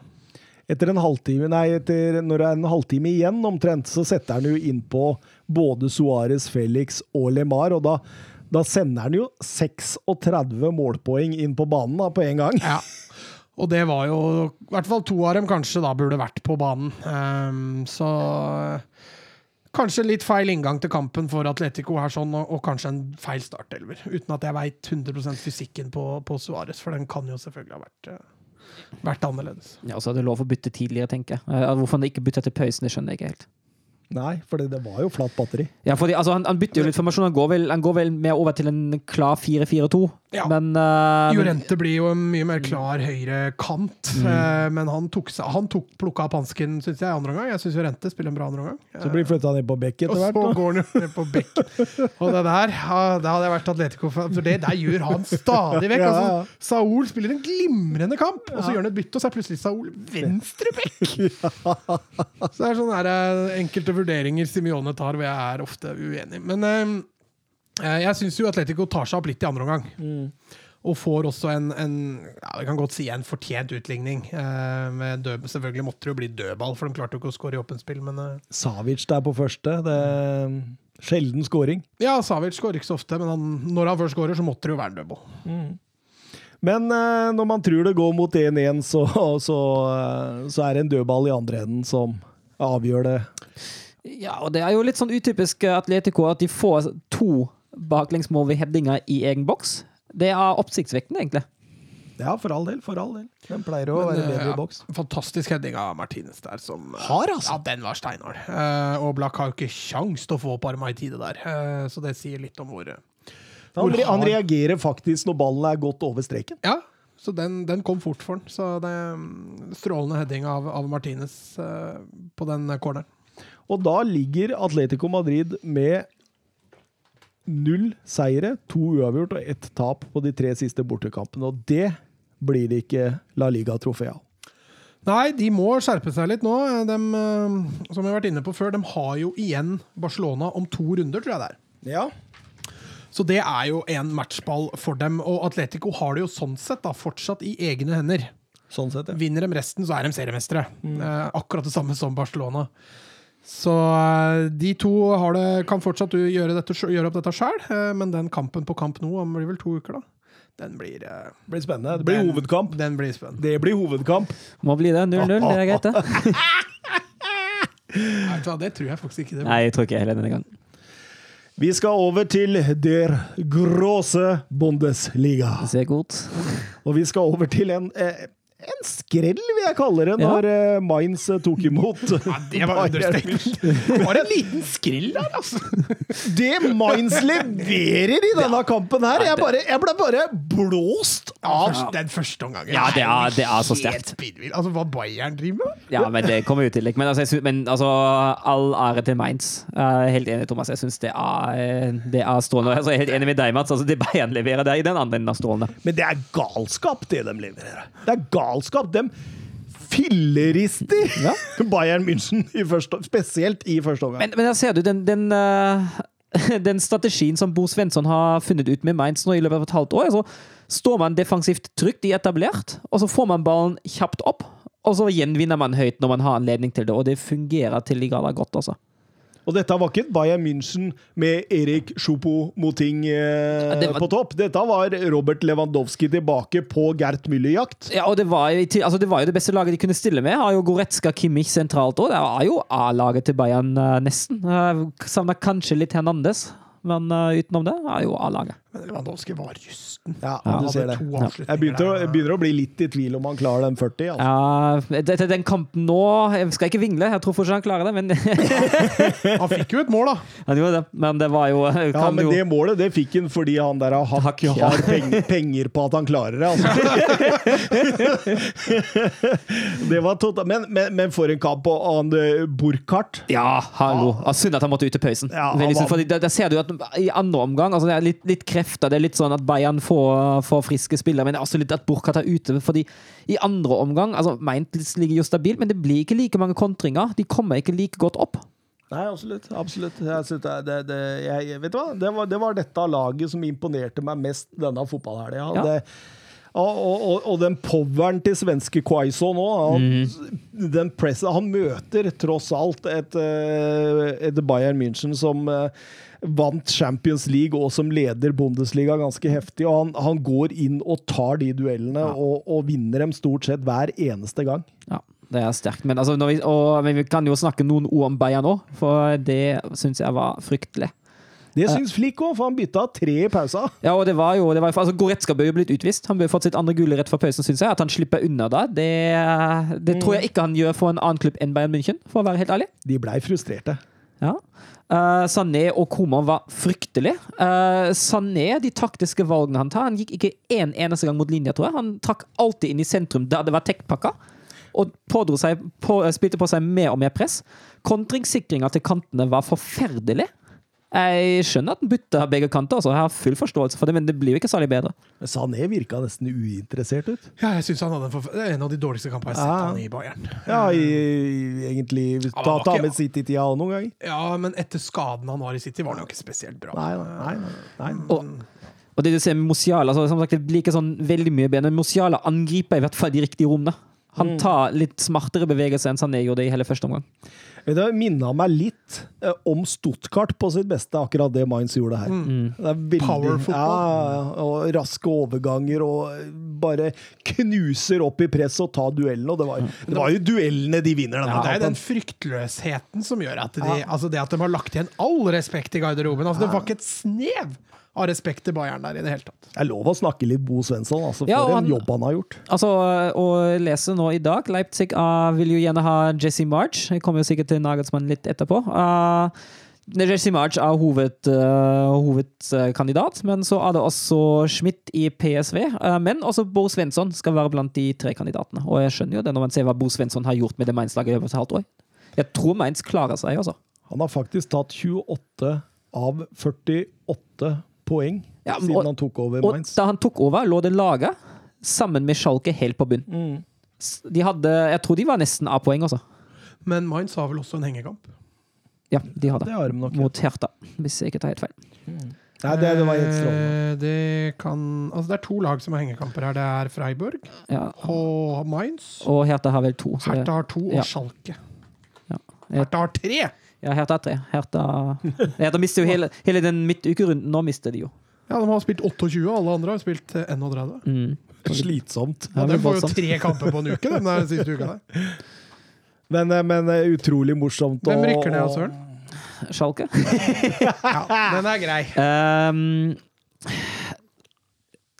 Altså, Altså, nå- altså Hertha ligger jo der nede på ja, men jeg tror, jeg tror her, altså, Med Hertha blir det spennende å se. Fordi Hvis Hertha kommer seg godt ut av den, av den karantenen De har vel sin første kamp mot Mainz. Uh, hvis, de begynner, hvis de tar av de første tre, si fire poeng, tror jeg ikke det ser så ille ut. Altså Det er tre poeng opp til Köln, Ja. og så er det fire poeng opp til sikker plass. Mm. Og så er det Ja, for der ligger både Bielefeld og Bremen. Ja, eh, og det er, det er utrolig vanskelig tippe. Nå ser Köln faktisk ut til å ha kommet seg litt etter trenerbyttet til Fritem Funkel. Eh, eller, jeg hadde jo Köln, for jeg hadde spurt meg for to uker siden, så hadde jeg sagt soleklart Köln går ned. Uh, nå begynner det å faktisk å spøke litt for Werder Bremen. Jeg vet at jeg sa at jeg ikke tror at de rykker rett ned forrige episode, men det begynner å spøke litt for dem. Og så lurer jeg på om ikke Bielefeld havner på kvalik. Så du spår Bremen Ja, direkte ned, altså? Ja, vi- En uke etter at du sa de var safe? Det var tre kamper på den uka, da. Ja ja, men det er bare en uke. Men uh, altså, altså trodde jeg jo at Kofeld skulle få sparken.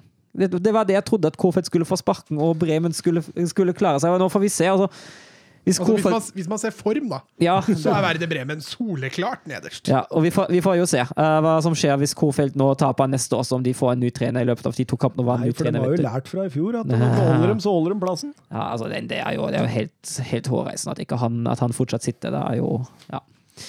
Ja, nei, eh, jeg veit ikke. Det er, det, er, det er virkelig vanskelig å spå. Men akkurat nå, som det ser ut, uh, ser det tungt ut for Verde Bremen. Altså. De gjør det. Hvem rykker opp? Uh, Bochum. Bochum. Og Å, jeg har så lyst til å si Kiel, for det hadde vært så kult om de kom opp. Eh, Men de, har, de er liksom i samme situasjon som Hertha. Uh, de vant sin første kamp nå mot Osnabrück, så spilte de uavgjort uh, litt heldig nå i dag eh, mot Nürnberg. Og er det sånn vanskelig. Treneren sier sjøl at det går litt sånn på, på det mentale. Vi må komme via det mentale, for de begynner å slitne mot slutten etter å ha vært i De har vel hatt fire uker i karantene, og Ja, det har vært tøft. da. Jeg har så lyst til å si Kiel, bare fordi det har vært så kult å få Kiel opp. Ja, så, håper, Kiel. så håper du virkelig at Ham Hamburg Det har vært så morsomt hvis de, hvis de klarte å ikke klare det igjen. Han Det er mest- det er mest derfor han vil ha han Kiel. hater Nei, men. Grøta Furt er jo også oppe, oppe der, så Goita Furt kan de også klare det. Eh, Men ja, ja, det har vært kult å få Kiel opp, altså. Det hadde. Visste du at uh, eh, han hadde en stor tabbe i denne kampen, da. Ja. Men uh, hvis han holder nullen én kamp til, hva skjer da, Søren?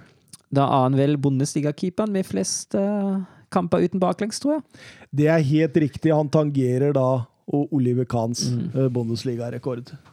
Det bør han klare. Ja, det Det kan bli to gode rekorder hvis Lewandowski putter litt og han holder nullen for Bayern på slutten av sesongen. Litt kjipt for Bayern, da, for det er jo rekorder Bayern allerede har, på en måte. da. Ja, Det blir jo mer personlig for Neuer og, og Lewandowski. Altså, er jo, Lewandowski har jo kanskje litt godt av det. er jo nå to ukers pause. Tyskerne spiller ikke nå eh, 1. mai-helgen. Det man allerede i fjor for de 1. mai, og Bundesliga kunne bli for mye for politiet. Så da har man valgt å utsette den. Og Er det hele- sånn arbeidernes dag i Tyskland? Ja, det er det. Der. Polizei. Og så tar man heller de to semifinalene i cupen nå denne helgen, men Bayern er jo ikke med. Da. Så kanskje den to ukers hvilen eh, hjelper Lewandowski nå i innspurten. Vi må gå over til eh, Wolfsburg mot, Skip. eh, mot Dortmund. Nei, mot Haaland. Hæ? Wolfsburg mot Haaland. Ja, skal vi si det sånn? Ja, vi gjør det. Men Sancho var tilbake? Ja, ok da. Wolfsburg mot Sancho og Haaland. Jeg syns ikke Sancho hadde en god kamp. Nei, han var litt rusten i likhet med Lewandowski der, men, men eh, altså, altså Jeg syns jo kampen sett under ett at det, Wolfsburg gjør det helt bra og greit fram til de siste 20 meter. Ja, siste tredjedel. Men det er jo litt sånn som mot Bayern. Ja, det er det. Og så skårer vi jo legger vi jo to baller i eget nett nesten nå, akkurat som mot Bayern. Uh, Baku der som eh, skal spille en støtte til Og Brooks. Og det, det er så typisk. å har Castell som bommer mot Bayern, som gjør tabber da, som har vært kjempestabil. Så har du Bako, som har vært kjempestabil, som kjører en sånn pasning. Kan jo stille litt spørsmål til Brooks, og han skal jo skyve litt ut. Han skal jo stå litt på tåspissa, eh, for all den blir jo litt passivt der òg, men det er jo Bako det går på mest, først og fremst. Ja, Men det- ja, ja. Nå venter jeg bare på at Maxi Arnold skal gjøre noe lignende mot Leipzig om, om, eh, om to og en halv uke, altså. Men måten Haaland setter fart på der når han snapper opp den ballen, og, og, og Brooks han har ikke kjangs til å ta den igjen, og han Lacroix han, han sklir enda. Mm. Og, og bare setter han i mål. Nei, er, det er rett og slett fantastisk. Du ser Castells forventer han i lengste, Mm. og så går han i nærmeste. Det er rett og slett vidunderlig. Og det var litt Haaland tilbake til sånn vi kjente han. Det var litt power, litt sånn rett fram, tut og kjør, løp, eh, skyte i mål-type, ja. Absolutt, men, men jeg syns jo at Wolfsburg sliter jo med å produsere farligheter, men de Mm. har jo mye ball. Ja, de har mye ball, og jeg syns jo også at presspillet egentlig fungerer i stor grad. Eh, Jeg syns jo det er Syns banespillet ikke ser så ille ut. Uh, og det blir jo litt uh, blir litt bitter til pausen å ligge unna i en sånn kamp, fordi jeg syns jo det er ikke nødvendigvis har fortjent å ligge unna til pausen. Uh, Nei da, Jani Gerhardt der har jo en stor en. Og... ja, og det er litt sånn altså, da, da tenker Jeg også da, Jeg skjønner ikke at en bruker Gerhard i den kampen som venstre venstrekant. Brekkalo kommer fra en veldig god kamp mot Stuttgart. Eh, jeg, vet ikke, jeg tror kanskje han forventer Dortmund litt mer offensiv, for Gerhard har jo litt bedre defensive kvaliteter enn uh, en Brekkalo. Men da kan man også spørre seg hvorfor han ikke bytter etter 45. For mot et så dyptliggende Dortmund-lag som det da ble, mangler det litt, uh, som du sier, siste 20 meter, mangler litt sånn uforutsigbarhet. Og du ser Wolfsburg prøver å spille på seg press opp det, og får dem høyere og så slå, men, men samtidig, da, så Dortmund kan jo egentlig på en måte prise seg lykkelig for at uh, Wout Vegårs hadde en off-dag. Ja, han hadde det. Den ene sjansen han fikk, eh, bomma han jo ganske grovt på. Uh, så hadde jo også den situasjonen i andre omgang der Bako kan sette opp Philip alene med keeper og bomma på den siste pasning. Det er sånn, er litt sånn, sånn symptomatisk scene for hele den kampen for Wolfsburg, egentlig. Ja, Og den forrige mot Bayern. Ja, faktisk. Bommer liksom på den siste Ja, hele ja. tida. Det er Alltid den siste. Ja, og den siste foran eget mål òg. Det er for, for dårlig foran begge mål, kan man si. Etter 58 minutter der får Jude Bellingham rødt kort etter to gule, og Didrik Nei, det er Jørn Henland som spør på Twitter. Hvor skuffende var det at Wolfsburg eh, ikke klarte å utnytte at Dortmund var én mann mindre? Men Det var jo skuffende, tenker jeg. Men det var jo ikke overraskende. Nei. Fordi det er jo akkurat det altså Det blei bare enda mer ekstremt fra Dortmund å legge seg og, og satse kontringer. Og er det én ting Glasner ikke har klart å utvikle i Wolfsburg denne, denne mm, perioden han har vært der, så er det jo spill mot etablert forsvar. I hvert fall mot dyptliggende Ja, forsvar. Da, da sliter man. Men jeg, jeg er enig med Jørn Henland. Jeg syns det var fryktelig svakt å ikke utnytte det overtallet litt bedre også. Jeg syns det. Uh, skal det sies at Bellingham er den første spilleren i Bundesligas historie som får sitt andre gule i én kamp uh, før han har fylt 18. Ja. Det har ikke skjedd før med en uh, som var under 18. Uh, men ja, det er fryktelig altså, det, det, er så, det virker bare så planløst. Man spiller litt sånn håndballaktig rundt, uh, rundt den boksen. der som Dortmund de ligger jo nesten i en ja, 5-3-1 mot slutten, da. eller 5-4-0 til og med. Uh, men jeg hadde ønsket meg litt mer direkthet i boksen. Litt flere dype løp, og bare prøve. Overgangen hvor Braut Haaland setter 0-2, der viser han styrke og fart. I hvert fall fart. Ja, kan jo ta med den pasningen til Dahoud òg, eh, som legges nydelig i løpsretning. Det er ikke så vanskelig å vekte den, da, for der er det så enormt mye bakrom at du kan slå den litt for hardt, du kan også slå den litt for løst. Men, eh, men eh, retningen på den Dahoud slår der, er strålende, og så er det Haaland som bare roper eh, mip, mip, og så sliter også Lacroix med å holde følge. Altså. Kan også, kan også snakke om den passingen Brooks slår rett på Dahota. Ja, den kan jo du snakke om, faktisk. Nå er vi tilbake der. Ja. Han hater Brooks. Nei, jeg gjør ikke det. Men i den kampen var han ikke god. Nei, jeg er helt enig. Erling Braut Haaland 16. bortemål i Bundesliga denne sesongen. Han gikk forbi eh, Aubameyang sin rekord fra 16-17 og er nå eh, Borussia Dortmunds mestskårende i én sesong på bortebane. Ja. Eh, han er også den første eh, på eh, som har fylt 20 år. Som har 38 kasser i Bundesliga. Han har fått 38 kasser allerede. Ja, det er altså. sterkt. Du ser så spørrende ut. Jeg trodde det var mer. jeg. Nei, 38 sto det. Var, i Har hvert han ikke, har han ikke 25 nå? det er tall fra Oppda. Ja, det blir jo 13, selvfølgelig. Nei, Mats og, Mats og matematikkunnskap! Du ser det knaser der, men han kommer ingen vei. Av en eller annen grunn så tenkte jeg hadde, hadde ikke hatt mer enn åtte mål i fjor? Det blir jo, tre, blir jo, selvfølgelig, blir jo selvfølgelig 13. Nok en gang, ass! Slutt å regne hvor hodet, Mats. Skal jeg bare, ta, skal jeg bare godta alt du sier? alle tall, alt. Du må bare sluke det rått. Okay. Så har jo Dortmund satt en Bundesliga-rekord her. Det er for niende gang på rad at Wolfsburg ikke klarer å skåre opp mot Dortmund. Og Ja, det har ikke skjedd før. uh, mot, et, mot ett og samme lag. At du har ni oppgjør. Det siste var vel uh, Frankfurt som ikke klarte å skåre mot Bayern på åtte. Eller kanskje ligger de også på ni akkurat, men uh, Den satt langt inne å dele, så jeg, Søren. Jeg, så, jeg så det bare knøyt seg inni der mens du prata. ja, det er grusomt. Vet du, jeg spurte Thomas sist. Gjett hvem som var sistemann som skåra mot Dortmund der for fire og et halvt år siden for Wolfsburg? Ja, det brøynet, da. Nei, faktisk Daniel Didavi. Og da er det vel uh, uten seier mot Dortmund på 11 nå også. Uh, Ett uavgjort, en 0-0. Didrik Tofte Nilsen spør på Twitter hater du Haaland nå, eller? Nei. Uh, måtte jo, da måtte jeg jo hatt Brende hatt mot Lewandowski, som gjør dette her nesten hele tida når han møter oss. Så helt greit, det. Eh, Leipzig, eh, Stuttgart, eh, det var en kamp jeg eh, rett og slett ikke fikk med meg av eh, personlige grunner.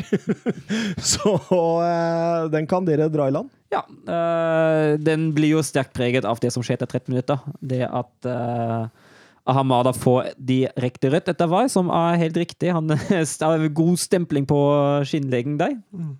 Ja, den var ikke noe ålreit å se på. Du ser den én gang i reprise, og så, så ser, snur du deg litt Ja, jeg tror han treffer, jeg tror han treffer leggskinn til, til Haidara, Jo, men det gjør vondt å se ja, på. det gjør jo det. Selv om han har leggskinn der, så er det ikke noe ålreit å se noen får en rett i leggen. Nei. Altså, Når jeg ser sånne taklinger, så ser, husker du Henke Larsson i Celtic?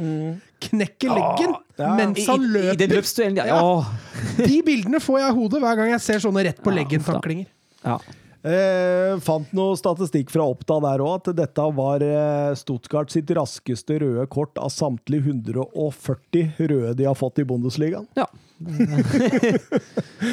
Artig! Artig, ja. Og det preger jo kampen. Altså, jeg syns åpningen er, er jevn. Jeg syns Stuttgart har en, har en brukbar inngang i den kampen som vanlig, men etter at de får et rødt kort, da legger de seg i en 5-3-1, og så er det vi, Altså parkerer de bussen ved egen boks, rett og slett. Og Leipzig har jo fullstendig overtak, sliter litt med presisjon i første omgang, eh, men 18 sekunder inn i andre omgang kommer presisjon, og da er det egentlig kjørt. Men Sleit litt med Kobel òg, etter det Ja, jeg så av eh, Kobel. høydepunktene. KB var strålende. Eh, han hadde jo gode redninger i første, men særlig, altså særlig den dobbeltredningen han har da i andre omgang, den er jo, den er jo nydelig. Den mot uh, Angelino og uh, Olmo. er det vel.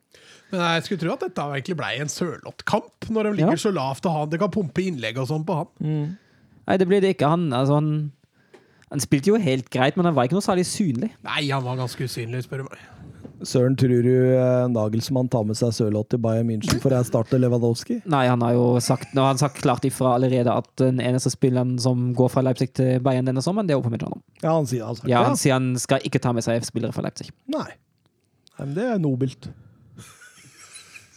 Altså, det her, Jeg får så følelsen av Rosenborg 90-tallet. Ja, det- det. Og det gjør at jeg mister litt interessen. Ja, det, Når du ser liksom det, er, de- det blir tungt neste ja, år. Du ser de klart, den klart beste begynner å plukke de beste Mm. fra den nest beste. Ja, men det, det er sånn Bayern har holdt på i alle år, som jeg har, som jeg har fulgt med, med, med i Bundesliga. At før var det, altså, I 2002 hentet de jo hele laget til Leverkosen nesten. Da hentet jo Lucio og Michael Ballack. eh, Så hentet de jo folk fra Bremen, fra Dortmund, fra Wolfsburg. Det er, Ja, de de henta jo alltid- Guts og Lewandowski Ja, og. Hummels Ja. det der. Så at de driver med dette. Men, men Ja. det Det er lett å miste Altså, jeg har vært Leipzig-supporter nå. Hint, hint, Glenn Weber. Jeg hadde vært så langt nede, altså. Ja, absolutt. Jeg òg. Det, det, det, dette går jo ingen vei. Nei, Nei, og jeg- altså, nå må vi begynne på nytt igjen, Og hadde det jeg neste, tenkt. det neste er jo sportssjefen Krøsje. Han er også ferdig. Ja. Så de Ja, må bygge han opp sa opp, gjorde han ikke? Ja, han sa opp. Han eh, rykte sterkt til å ta, ta over den eh, ledige jobben til Freddy Bobic i Eintracht Frankfurt. Å ja, men han går til Bayern. Bare For Bobic se. Går til Hertha. Ja. Så det er litt Tar sånn over for Brazzo i Bayern. Det hadde jo vært et eh, veldig godt alternativ sånn egentlig, men Bayern kommer ikke til å sparke Brazzo. Nei, det er, Forsberg setter jo et straffe og 2-0, og Ja, dermed det er eh, Det er jo ball i hattet der. ja, det er det. enveiskjøring. Det er det. Det ser sånn ut på de høydepunktene jeg så. Ja, det var det. Og Leipzig er dermed fortsatt ubeseiret mot nyopprykka lag i sin Bundesliga-historie. Ja. Eh, på Twitter skriver Jørn Henland til oss, eh, vår kjære Jørn Henland. Eh, hvis Jesse Mars tar over Leipzig, hva kan vi forvente av spillestil, formasjon og etc.? Ja, altså Vi kan jo forvente den eh, RB-skolen, som det så fint heter. Det er jo det er et veldig pressingpreget, uh, pressingpreget spillestil, det her. Uh, han liker seg veldig godt i en 4-2-2-2 i Salzburg. Det Men- føler jeg følger med Jan. ja. Ja, men han, han, har, han har etter eget utsagn allerede spilt ni forskjellige formasjoner i den klubben, og det handler jo om å tilpasse seg uh, optimalt til motstand. Så han er nok en fleksibel type, han òg. og så er det som sagt pressing som står, som står i første rekke. Eh, han har jo noen interessante innfallsvinkler. der, Står veldig smalt mot ballen. Ekstremt eh, ballorientert eh, press. Jobber veldig mye med skyggepress.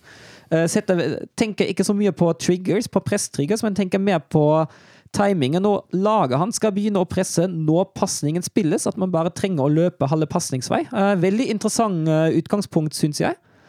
Eh, og når de da har vunnet ballen, da skal alle spillere orientere seg eh, mot 11-metersmerket for å holde angrepet så bredt som, som bredt som nødvendig, men så smalt som mulig. Ja.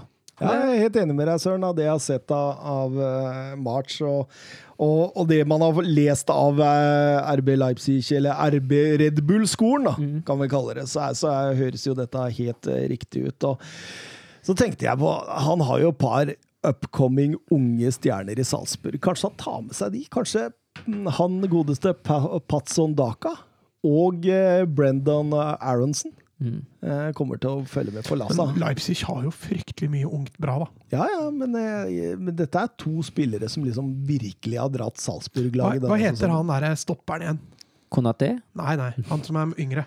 Gvan Gvariosol eller noe sånt. Nå henger jeg ikke med i RB I Leipzig. Leipzig, ja. Han har en sånn stopp, eller er en venstrebekk? Litt usikker. De henta jo Sima Khan Ja. fra Strasbourg. Ja. Og han kom jo, han eh, Brobby fra Ja, ja. Ajax. Og Shaboslai er jo allerede der. Ja, Ja. Og så han derre andre som får litt spilletid innimellom. Uh, Samatic. Ja, stemmer. Ja. Han også er Det bra. er, det er mye Ja, det er mye og bra spennende. der, altså. Det er mye Men- spennende. Altså, Men det, det er jo bare det at det blir en god nok, så Ja, går de til Bayern. Og det er fort òg. Ja. Altså, Opamecano har jo hatt en og en halv god sesong, og så er han borte. Ja. Nagelsmann rakk vel To. Ja, ja, så vidt. Så vidt rakk han Men alle så jo denne stigen. Ja. Alle gjorde jo det. Ja, Det var jo ikke fort. overraskende at eh, Nagelsmann trente Bayern München før han var uh, gått ut av bleier. Men at uh, Hvor mye måtte Bayern punge ut? 25 millioner euro.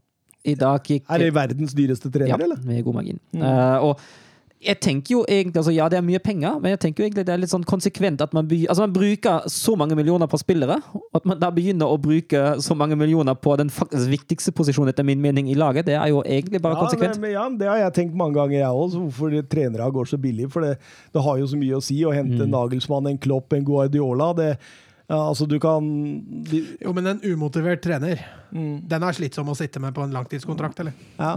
Så du tenker hvis en trener går for penga?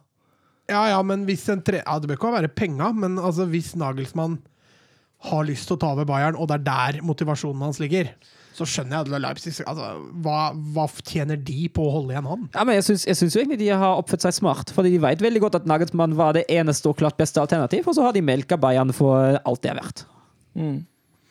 Og det fins vel ikke noen overgangsklausuler i kontrakter til trenere? Noen har det. Marco. Rose har det, hadde det. Rose ble henta både fra Salzburg til Mönchenglappach og fra Mönchenglappach til Dortmund på overgangsklausul.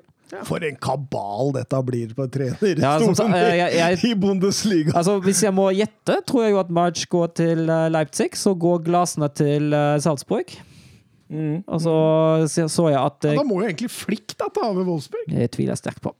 Kanskje, Ja, men Hvis kabalen skal gå opp, Ja. eller? kanskje Salzburg du skal følge i europahjørnet, da? Nei. Nei, du, du holder med Anderlecht. Ja.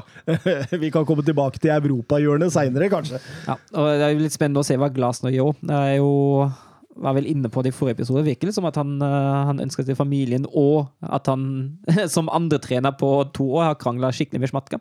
Ja. Sportssjefen, og det er jo Altså Hvis sportssjefen nå koster klubben to trenere, er jo det litt dumt, da. Fordi han er vanskelig å samarbeide med. Ja, absolutt. absolutt. Vi, vi må over til Serie A. Fiorentina, Juventus, og det var Pir Empirlo som eh, fant ut at eh, Nei, vet du hva, nå skal vi gå bort fra 4-4-2, og så skal vi speile eh, Iacinis eh, 3-5-2 der, Mats. Ja, han gjorde det. Han klinka til med, med trebekslinje og, og wingbacker. Um, spiller vel egentlig altså Ronaldo kan jo kanskje regnes som en midtspiss, men spiller sånn sett uten rein midtspiss um, i Dybala og Ronaldo. Et bytte som ikke var av den heldige sorten, kan du vel kanskje si. Nei, for dette er her Altså, jeg sa det før vi gikk på sending her. Altså, det, det laget til Fiorentina, at de ligger i bånn altså, De har et så småsexy lag. Eh, altså Milenkovic, Dragovskij, da, som du eh, tenner på. Eh, Pulgar, som de har vært inne på. Ribbery, Vlaovic. Altså, det er så mye deilig der.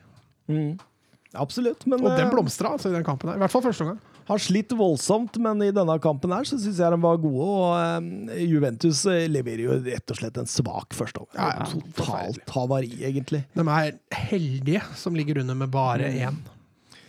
De gjør det. Da Dusan Vlaovic setter et straffespark der. Den, det 17. Serie A-målet for unggutten, altså. Mm, Han går snart til en storklubb. Ja, det vil jeg tro. Og, og det, å, det å panenka mot Juventus, altså Det er ballsy. Det er ballsy. Kanskje det er det som er Manchester United sin uh, neste spiss. Ja, vi så jo noen Panenka-straffer den runden her. Vi skal vel til en i, i franske hovedstaden nå, som eh, Vi skal det, vi skal det. Men eh, Pirlo bytter formasjon 4-3-3 inn med Kulusevski og Morata, og får jo straks betaling for det.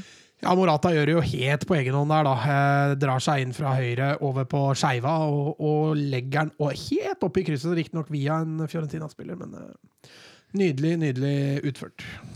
Ronaldo sjelden svak, eller? Ja, Og sjelden usynlig. Ja, Han krever fortsatt mye, men han fikk ikke så ofte mye å jobbe han gjorde ikke det. Og det var det, det, at det der her trilla inn til 1-1 til slutt, det overraska meg ikke, faktisk. Nei.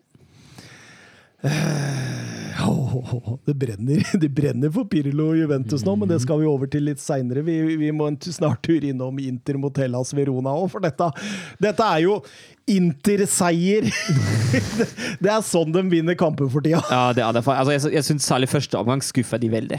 Ja, Jeg syns Verona gjør jo en eh, Men det kunne vi sagt om veldig mange kamper til Inter i år. Ja, faktisk. Men, men Verona er vanskelig å spille mot, altså. Men og, man ser jo, altså, det er jo noen tanker der å bruke Lukaku som eh, oppspillspunkt, og særlig stikke til Hakimi som utnytter det, det bakrommet der. Men eh, det vil seg ikke helt i første omgang. Det blir litt, litt grann bedre i andre, syns jeg. Du så hvor fornøyd Conte var etter kampen, så tror jeg han også visste at dette blir denne Den er tøff. Denne blir tøff. Ja. Den er tøff. Og jeg flira litt av eh, Ivan Juric også, som til annen omgang bytter to av tre stoppere, begge med gult kort, for han skjønner at eh, her blir vi kontra på av Romelo Lukaku etter hvert utover i kampen, og det var nøyaktig det som skjedde òg. Men han bytter jo den tredje etter hvert òg. Ja, Så han det. ender jo opp med å bytte hele den forsvarsrekka. Men eh, fordi Altså, sakte, men sikkert utover i omgangen så begynner dette intermaskineriet å male, og du Altså, allerede kvarter ut i kampen så skjønner du jo at Inter vil vinne 1-0 her. Nei, det var ikke noe, var ikke noe hemmelighet, nei. Og eh, nydelig scoring av Matteo Darmian etter 76 minutter. Overgang, eh, hurtig vendt på Lukaku, videre til Sanchez og Hakimi. Og så blir Darmian alene i boks ut venstre, som han blei mot Cagliari også. Det begynner å bli en sånn superinnbytter nå. Jeg kunne tatt den inn på det laget òg. Jeg kunne tatt den inn på Supersub-laget vårt, ja. Matteo Darmian. Men eh, ja, du ser jo etter en 1-0 Altså, Conte han er elektrisk på sida der. Han, han er snart ute og spiller sammen med gutta. Liksom. Ja, ja. Har du sett den videoen med han faren som står og prater med sønnen sin i mål når ballen kommer trillende mot mål? For du ser at sønnen vil ikke være der. Altså Han er bare fem-seks år, den sønnen. Og ballen er jo på vei mot mål, Ja. og han er jo keeper. Så faren tar og dytter sønnen, så at den faller foran, foran og så triller ballen og treffer sønnen. Så redder så så det det. Har du ikke sett den? Da tenkte jeg når du sa det med Konto, at han er ute på deg og dytter på spillerne for å få dem i posisjon. Den kan du vise meg etterpå. Ja, den, den er fin. Den er fin. Den gleder jeg meg til å se. Eh, men eh, Verona gjør jo et, eh, et skikkelig forsøk mot slutten der. da, Presser inntil godt eh, bakover i banen, men eh, De får også en ball, en ball i målet. Ja, de gjør det. De gjør det. Og da tenker jeg altså Handanovic, altså.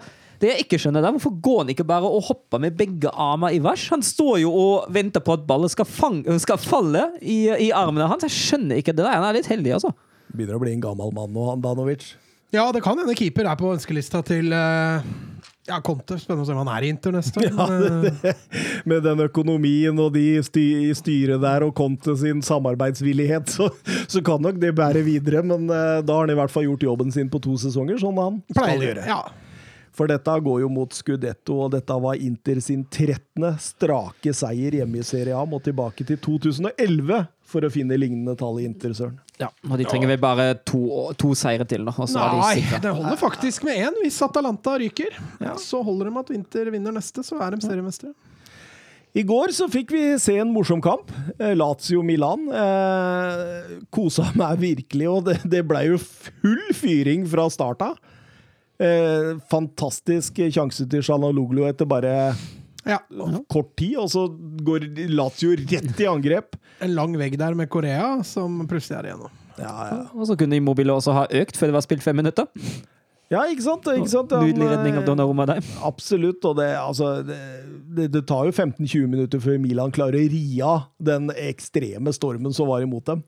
Eh, Shanonoglu nær 1-1 der med, med Reina etter en halvtime, men eh, da var jo også Milan også med på det, egentlig. Ja, ja, jeg syns også det. Jeg syns de tar mer og mer over. Men som du sier, da, det, det går et stykke mellom hver Milan-sjanse. Altså, selv om det er de som kontrollerer kampen, så, er, så tror jeg dette var kampplanen til Innsagi. Jeg tror altså, Vi skal kjøre den kampen i ti minutter kvarter, så skal vi ligge bakpå og kontre. Og han fikk det akkurat dit han ville. Akkurat som han ville. Var jo nære 2-0 der òg. Marginal var uh, offside der når uh, Lasarri setter ballen i mål rett før uh, pause, men um det er 1-0 til pause, og jeg, jeg satt og gleda meg til den andre omgangen. Og jeg, jeg kosa meg, rett og slett. Det var fantastisk. Correja setter eh, 2-0 etter nok en overgang eh, rett etter pause. Det skulle vært frispark. Ja, Nei, jeg syns, Det syns det er greit. Han gikk, jo til, han gikk jo til VAR. Da tenkte jeg da blir denne annullert. Men den fikk lov å fortsette. Ja, men jeg syns jo, synes jo det er fint at den går ut og skal se på det, og så kommer han til konklusjonen at dette her var greit. Fair enough. Altså, der er jo også det som ikke var en del av det Manchester United gjorde, når de fikk eh, komme inn bak eh, Leeds-forsvaret i vår hovedkamp. At det der kommer dem Altså, Immobile drar med seg kjær og skaper plass for Correja. Og Koreha får rein én mot én mot Tomori. Ingen sikring. Og, og latterliggjør jo egentlig Tomori. Ja, det er feilberegner, den taklinga der. Altså, altså, hvis ikke Korea ser at han har en reell sjanse til å få så kan han jo bare legge seg. Så får han straffe. Ja. Så det der, der var ikke bra forsvarsspill av eh, Tomori. Og, og utover i omgangen også gir jo Lazio mer og mer avkall på ball, søren. Ja, og de gjør det. Og det og, men Milan løper jo nesten blindt i flere overganger, vil jeg jo si. Uh, den kontringssikringa, den var ikke bra, og det kunne stått 3-0 lenge før det sto 3-0. Savna Zlatan der, Mandzukic. Det er ikke det samme. Nei. Og på ingen måte! Det er, det er, eh, det er eh, forskjell på BB og Cantona. Altså. Og spør Manchester United-supportere åssen den forskjellen er. Men eh, ja. Immobile 3-0 rett før pause, nei, rett før slutt, og det er jo Altså, Fullt fortjent. Jeg syns jo en av de beste spillerne hos Milan var Donnarumma. Han eh, hadde jo noen flere gode redninger der. Ja da, det, jeg syns også det er fortjent. Eh, Milan har riktignok kontroll, hvis vi kan kalle det det, på kampen i forhold til ball possession og, og spill og sånne ting, men de, de er ikke så vasse foran målet, liksom, de har en sjanse innimellom, men jeg syns Lazio ser mye spissere ut. Altså. Og Correja, det er lenge siden jeg har sett den så bra. Sånn. Ja, han var på i den kampen der, altså. Eh, Helt nydelig. Jeg prøver å finne et Twitter-spørsmål fra Jonathan Hobber. Jo, jeg spurte om topp fire i La Liga sist, og fikk et godt og forberedt svar av dere. Nå ønsker jeg meg det i Serie A, slik at dere kan fortelle meg om Juventus faktisk kommer utenfor topp fire. Både jeg og Søren har gjort forarbeid. Har du, Mats? Ja, ja, men Du jeg, tar, sitter bare og dømmer oss. jeg, jeg tar dette på feelingen, jeg. Ja, ok. Ja, ja. Eh, skal vi begynne med deg, da, Søren? Eh, Du har vel sikkert gått gjennom kamp for kamp og Ja. kommet fram til eh, din eh, konklusjon på det? Jeg har det. Jeg har tippa, tippa alle kamper. Vi vet jo hvordan det går i kamptippen, så det er ikke så mye å stole på. Men eh, for meg ender det sånn at, eh, at altså Atalanta har jo ganske takknemlig program igjen. Eh, De har nå Sassolo i neste, og så har de Milan mot slutten. Men med tanke på den form Milan har vist, tenker jeg også at den er mer eller mindre litt takknemlig. Ja.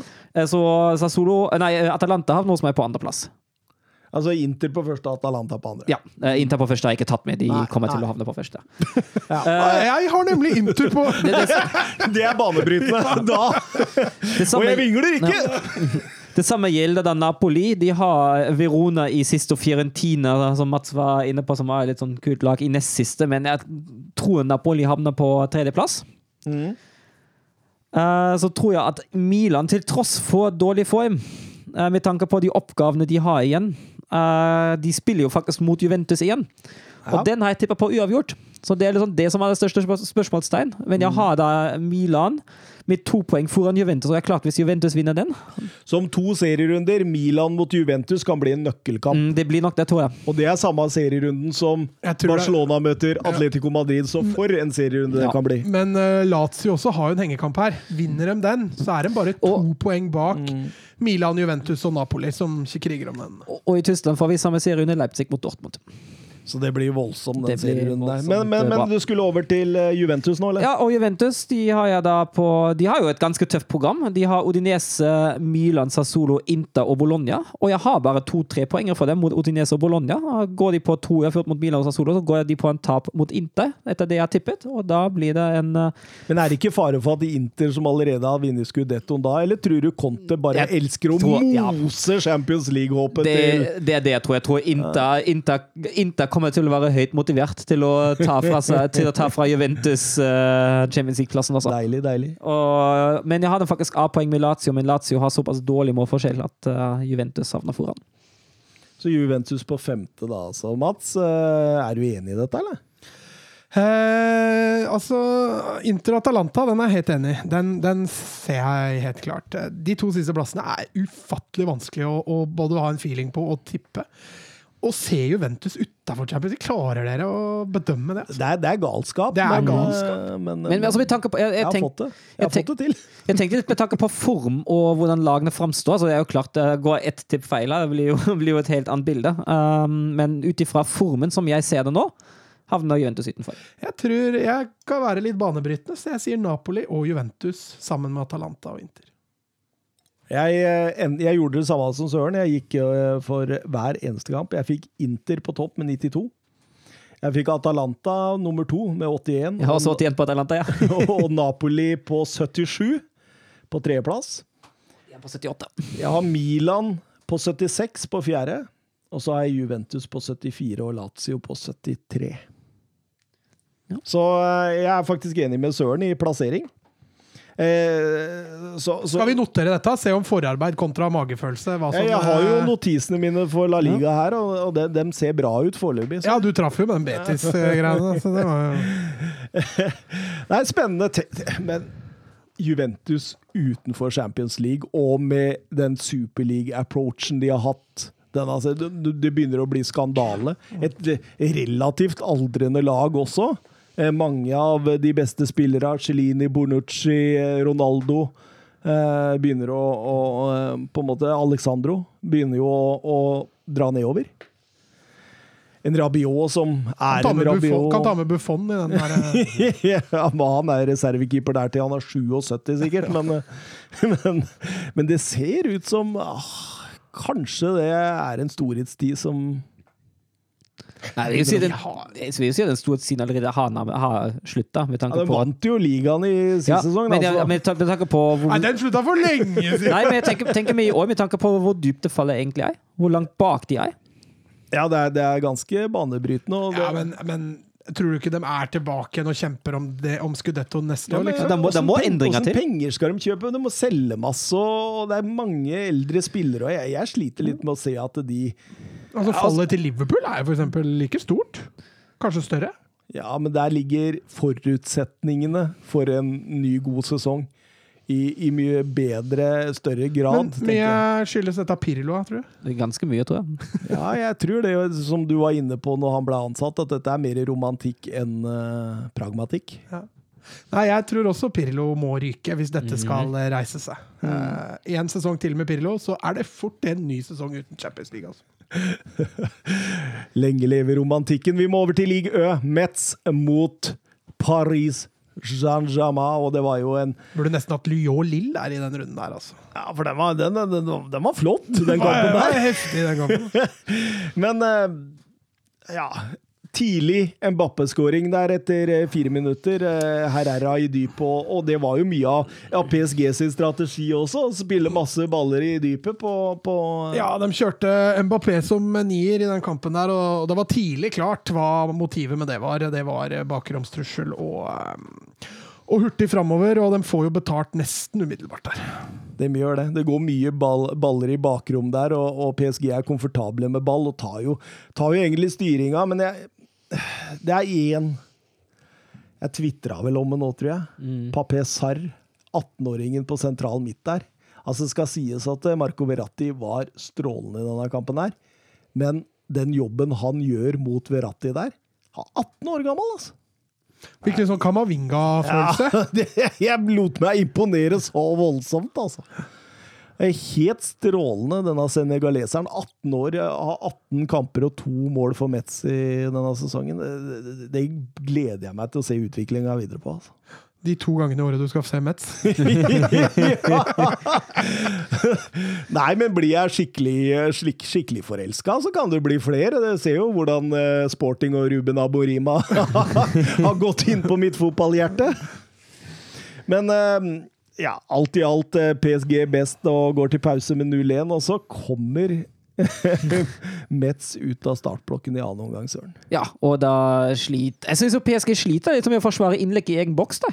Eh, Jeg syns rett og slett Paris Saint-Germain ser litt sånn Dette har vi vunnet, vi slapper Ja. litt av. Vi, og de skrur av en bryter. En- Det var jo sånn den samme Hvilken kamp var det da Mbappé spiller en sånn halvhjerta? Var den mot, uh, var det mot Norse? Den der de tapte gikk på en skrell hjemme? Det kan nok Ja, og det blir sånn de samme greiene igjen. Mm. de Du jo av en bryter da òg. De skrur av en bryter før de må skru den på igjen, og Ja. de gjør det sånn ekstra vanskelig for seg. Ja. Og det er her de sannsynligvis har feila tidligere i sesongen nå, Mats. Ja. Men det gjorde de ikke denne gangen. Um, Mbappé gikk ut med skade. Han gjorde det! Det tenkte jeg på. Den eh, skal bli interessant i morgen å se hvor eh, fort den har lega seg. Altså. Mm. For det kan bli Altså, nå gjør jo han 2-1 før han må gå av her, selvfølgelig, men eh, det skal bli fryktelig spennende å se åssen den der utvikler seg. Altså. Ja, tenk eh, Hvis Paris Saint-Germain er uten Mbappé, så kan de glemme det. Da kan de glemme det. City, ja. Ja, da kan de glemme det.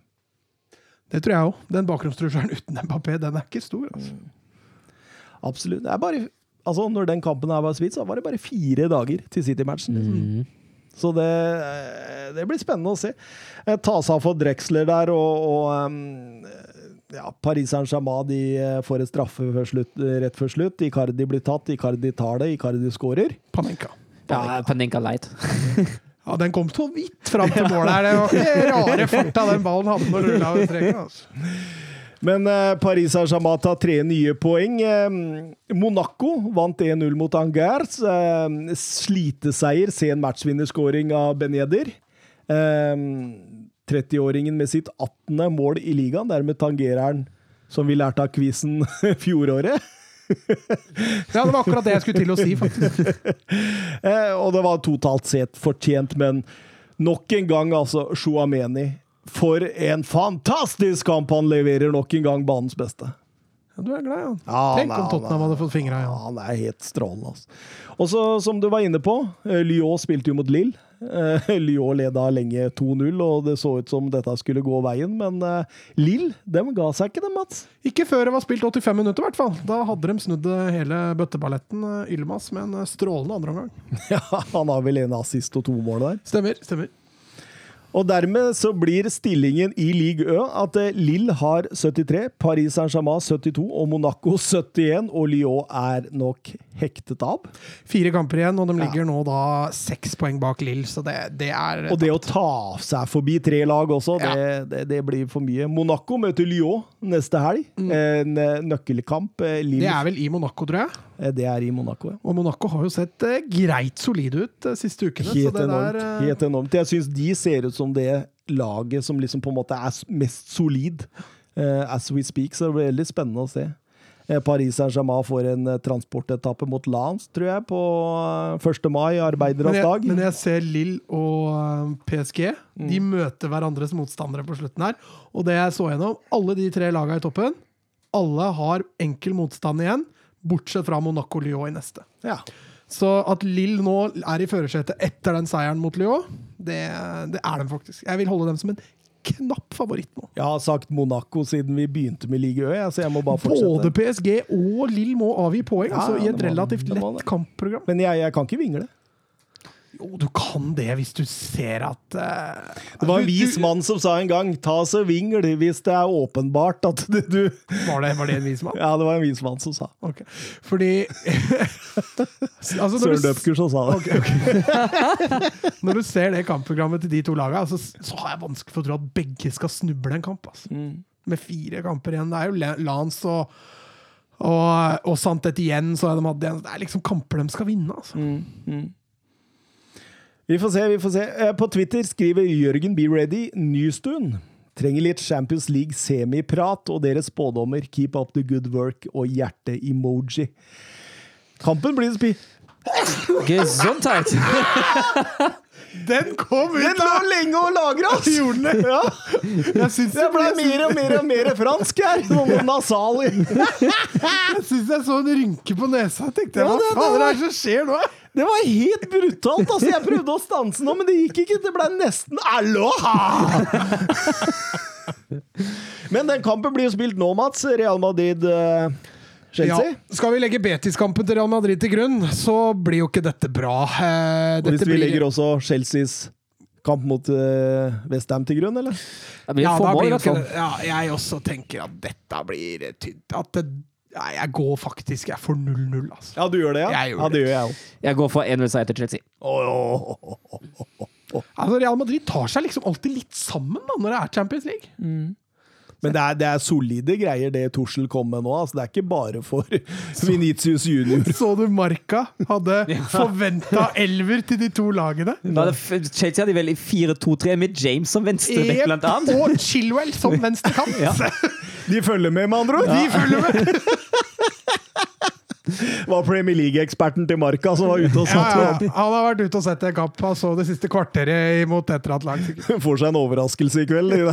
Vi får håpe det ikke er Marka som har speida Chelsea for Real Madrid. i hvert fall. Eh, ja, nei, men en jevn og tett eh, match spår vi der, altså. Eh, Paris Saint-Germain mot City i morgen. Det blir jo veldig Kylian Mbappe. Åssen blir ståa? Rekker han kampen? Eh, Kommer han halvskada? Det Jeg holder City som favoritt uansett, ja. Uh, det gjør jeg men, også, men- Mbappe, Mbappe har fått forskjell uh, mellom, uh, mellom i hvert fall ett mål for PSG. Uh, jeg tror City vinner 2-0. spiller City som de gjorde i første omgang mot Tottenham eh, i ligacupfinalen, så tror jeg ikke Paris Saint-Germain har noe å gjøre. da tror jeg rett og slett det, det, det var for mye, altså. Det var rett og slett. Jeg er også heller mot City-seier uansett, men det er litt sånn søren, da. Hvis Mbappé spiller, så er det gode muligheter for PSG-skåring. Så hvis jeg gambler, da, så sier jeg 2-1. Ja. Jeg tror liksom ikke City skårer så fryktelig mange mål. eller? Nei, Nei, de har jo blitt mer Ja, ja, de er er liksom blitt mer, litt joviale. Må du nyse igjen, da? eller? Nei da, nei da, jeg satt og tenkte. Det kom noen rynker i nesa di der. Bare søke dekning og 1-0 til City. Skåring i det 77. minutt av uh, Stirling. Stirling. Ja, han var god mot Tottenham. Husker han åssen man skårer? Han var god mot Tottenham. Altså. Han var god. Han og De Brøne de holdt lekestue der en periode. Altså. Det er bare en verdensklasse Joris som holder spenninga der. Eh, Den er grei. Vi må videre til Vebjørn Fredheim eh, på Twitter, fordi eh, nå skal vi lansere noe nytt Her skal vi det, gutta. Ja, ja, ja. Eh, En såkalt ny spalte. Eh, Europahjørnet, som da vi har blitt enige med Fredheim om at vi skal dra. Han spør blant annet om at vi skulle følge ett lag hver, sånn som vi snakka om i forrige episode. Og det har vi kommet fram til at det gjør vi. Så Så det blir bare så kort intro. introduksjon. ja, ja, det, det, det blir jo type sånn som jeg har gjort med Sporting og Bruno Nei, Ruben Aborim her. Bruno Fernandes. Ja. Og eh, Søren, du har da fått tildelt Ajax. Ja, og det er jo morsomt. Det er et morsomt fotballag. Eh, De spilte nå forrige helg mot eh, AZ Alkmaar. Han har kontroll allerede. vet du. Han forutså dette. han. Faktisk med tilskuere på tribunen. Gøy å se. At det var tilskuere på kamp. Selvfølgelig ikke tettpakka, men det var folk. Og det blir jo med en gang en helt annen stemning. Så var det en gammel kjenning. Davy Klasen som skåra begge mål for, eh, for Ajax. Ajax vant 2-0. Eh, fire kamper igjen i den nederlandske Eredivision. Uh, nå leder Ajax tabellen med 12 poeng og 33 plussmål ned mot eh, PSV, er det vel. Så Ajax gjennom den seieren har de nå vunnet seriegull. Ja. Så du får ikke så mye spenning i Europahjørnet Nei. framover. Men det er jo gøy å, gøy å se Ajax-laget uansett. Det er et morsomt lag. Og Ten Hag er jo en uh, morsom trener å følge opp. Absolutt, absolutt. Uh, Mats, har du fulgt med han? Ja, ja, ja, selvfølgelig er det. Uh, vi fant ja, jo ut at vi skulle dra Vincent Companies Anderlecht og følge dem. Ja, jeg vil heller Altså For det første, da. Anderlecht har jo også en nordmann, Christian Malte Arnstad. Eh, som også er litt å hinte på spilletid, eller få, på, på spilletid. Eh, I helga møtte de STVV. Jeg vet ikke, har du noe, vet du hva det er? Eh, Sint Tryden. Ja. Sint Tryden Kanskje han skal ta Anderlecht òg? Du sitter igjen Tror jeg, i med hvert fall. Det står bare STVV. Det er sikkert riktig. det. Da heter vant- de det. Anderlecht vant i hvert fall 1-0 etter skåring av Juri Versaren. Et kjempetalent. Og det var litt av grunnen til at jeg ville ha Anderlecht i Ja. stedet for Brygge. Eh, For Brygge leder vel tabellen her? Det gjør de. Anderlecht ligger helt ned på tredjeplass og Mm. er sjanseløs på seriegull. Så Men uh, spennende å følge Vincent Company, i hvert fall. Uh, Ja, men, men, men, men, men er det noen av dere som har oppfatta rollen til Company i uh, Fordi det har vært litt Han har sånn vel flere. Ja, det, det, det har vært veldig sånn sportsdirektør, sportssjef, Trener. Han står også oppført som spiller. hoved... hoved nei. Nei. Han var, han var, han var spillende trener i starten. Ja, han var Og det. så, og så ja. gikk det dårlig, så gikk han tilbake fra den spillergreien og bare fokuserte på å trene verv hvis jeg husker det riktig, i hvert fall. Men han har vel sportslig verv sånn Mm, i administrasjonen òg? Mm. Han er ikke bare hoved... Nei, og han har jo, han har jo studert mens han, eh, mens han spilte i City. Han har vel en bachelorgrad eller noe sånt i sportsøkonomi? Eller et eller annet. Ja, det kan godt hende. Eh, de har i hvert fall fått en altmuligmann. Var det Hamburg han var i i Tyskland? Mm, stemmer. Jeg husker Hamburg møtte Brann. Ja. Var det det? Jo, stemmer det. Stemmer det på Brann stadion? stadion. Vincent Company og Rafael van der Fart. Stemmer det. stemmer det. Oi, oi, oi.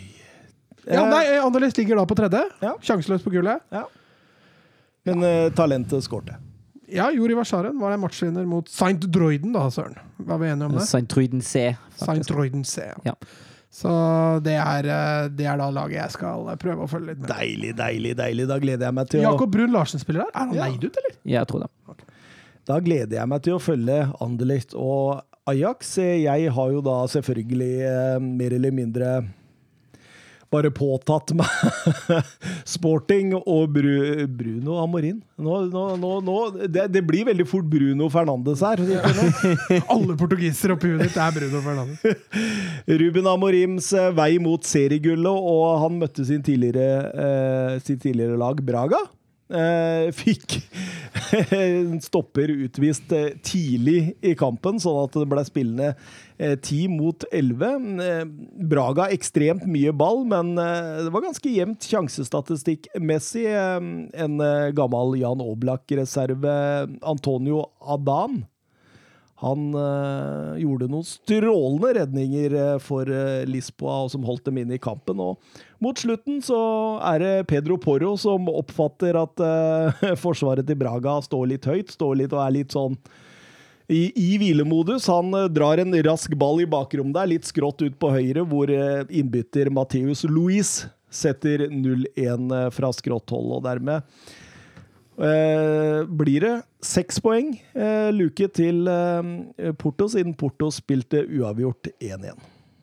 Så eh, dette går veien for eh, sporting. Det er vel er det fire kamper igjen der eller noe sånt nå også, så skal, Skal holde det. skal holde det, altså. Veldig, veldig morsomt å følge dette laget videre, og eh, de har et par vingbekker der, Porro og Han har City-eiendom, er han ikke det? Jo, han er det. Som er helt, eh, det, er, det er helt umenneskelig. Han debuterte på landslaget til Spania. Ja, stemmer det. Han gjorde en slett innsats, etter hva jeg leste. Det skjønte jeg. ja. Mm. Jeg så ikke alle landskapene til Spania. Da er vi ferdig eh, med, i hvert fall, tror jeg i hvert fall. Ja. Jeg tror vi er ferdig med program. Ja, vi er ferdig med program, så da kan vi jo eh, fortsette spalten De vise menn har rett. Og vi Ja. går over til Mats. Ja, nei, jeg hadde jo rett, jeg, da. Igjen. Som vanlig. Søren, hadde du rett? Ja, jeg hadde rett, ja. Vingler ikke? Vingler ikke, hadde rett. Nei, du holder fortsatt på det at eh, La Liga blir den Nei, den eh, Den har jeg vinglet bort, i, bort fra for lenge siden. Men det blir ikke Bundesliga heller. Men litt uh, artig å se på tabelltipsa våre, da, fordi vi bommer på mye og treffer på mye. Ja, jeg, jeg er glad for at vi gikk for Leipzig på andre, altså. I Bundesliga. Jeg tror det var helt ok. Ja. Jeg tror det. Nei, det har begynt å bli mørkt utover eh, Strømmen City, sier jeg, Mats. Eh, Hvorfor kaller du det City? Det høres mye mer internasjonalt ut. Ok, Mye ok. deiligere ut. Det er ikke så mange, Jeg har aldri hørt noen bruke det så konsekvent som det du gjør. Strømmen City. Strømmen City. Ja. Men det er flott skue her. Vi sitter liksom oppå en haug over byen. Ja, vi er på Strømmens tak. Ja. Vi Sitter og koser oss her. Og, eh, Fin utsikt. Og så tror jeg Nå er jeg ikke sikker, da, men Strømmen er ikke noen by, da. Er det ikke det? Nei. Altså Hjembyen min, Rjukan, er en by. Ja, men er det bystatus? Ja. Altså, jeg, jeg husker Strømmen Det var, var veldig dårlig stemning i Strømmen da de satte opp skilt at Strømmen var en del av Lillestrøm kommune rett, eh, rett utenfor stadion. eller noe sånt. Ja, det, vel, fordi- det ble ikke godt tatt imot her. Kommunegrensa går jo opp til Strømmen stadion, så Ja. innkjøringa til Strømmen stadion står det jo Lillestrøm kommune. Ja, og det, Der er jo Strømmen-supportera flittig ned og tar ned det skiltet og sørger for at det ikke skal stå der. Alle 34 Strømmen-supportere. Alle sammen, Og de går på rundgang, da, så du må en gang i måneden. da, Så må du inn der og skru, skru, skru ned. Å, dæken steike. Nei, eh, vi har ikke tid til noe mer tull, for vi alle skal vel se eh, Champions League. ja. Ja. Så da gjenstår det bare å si vi høres neste tirsdag. Snakes. Ha det. Ha det, ha det. Messi surging forward with real menace here. Messi.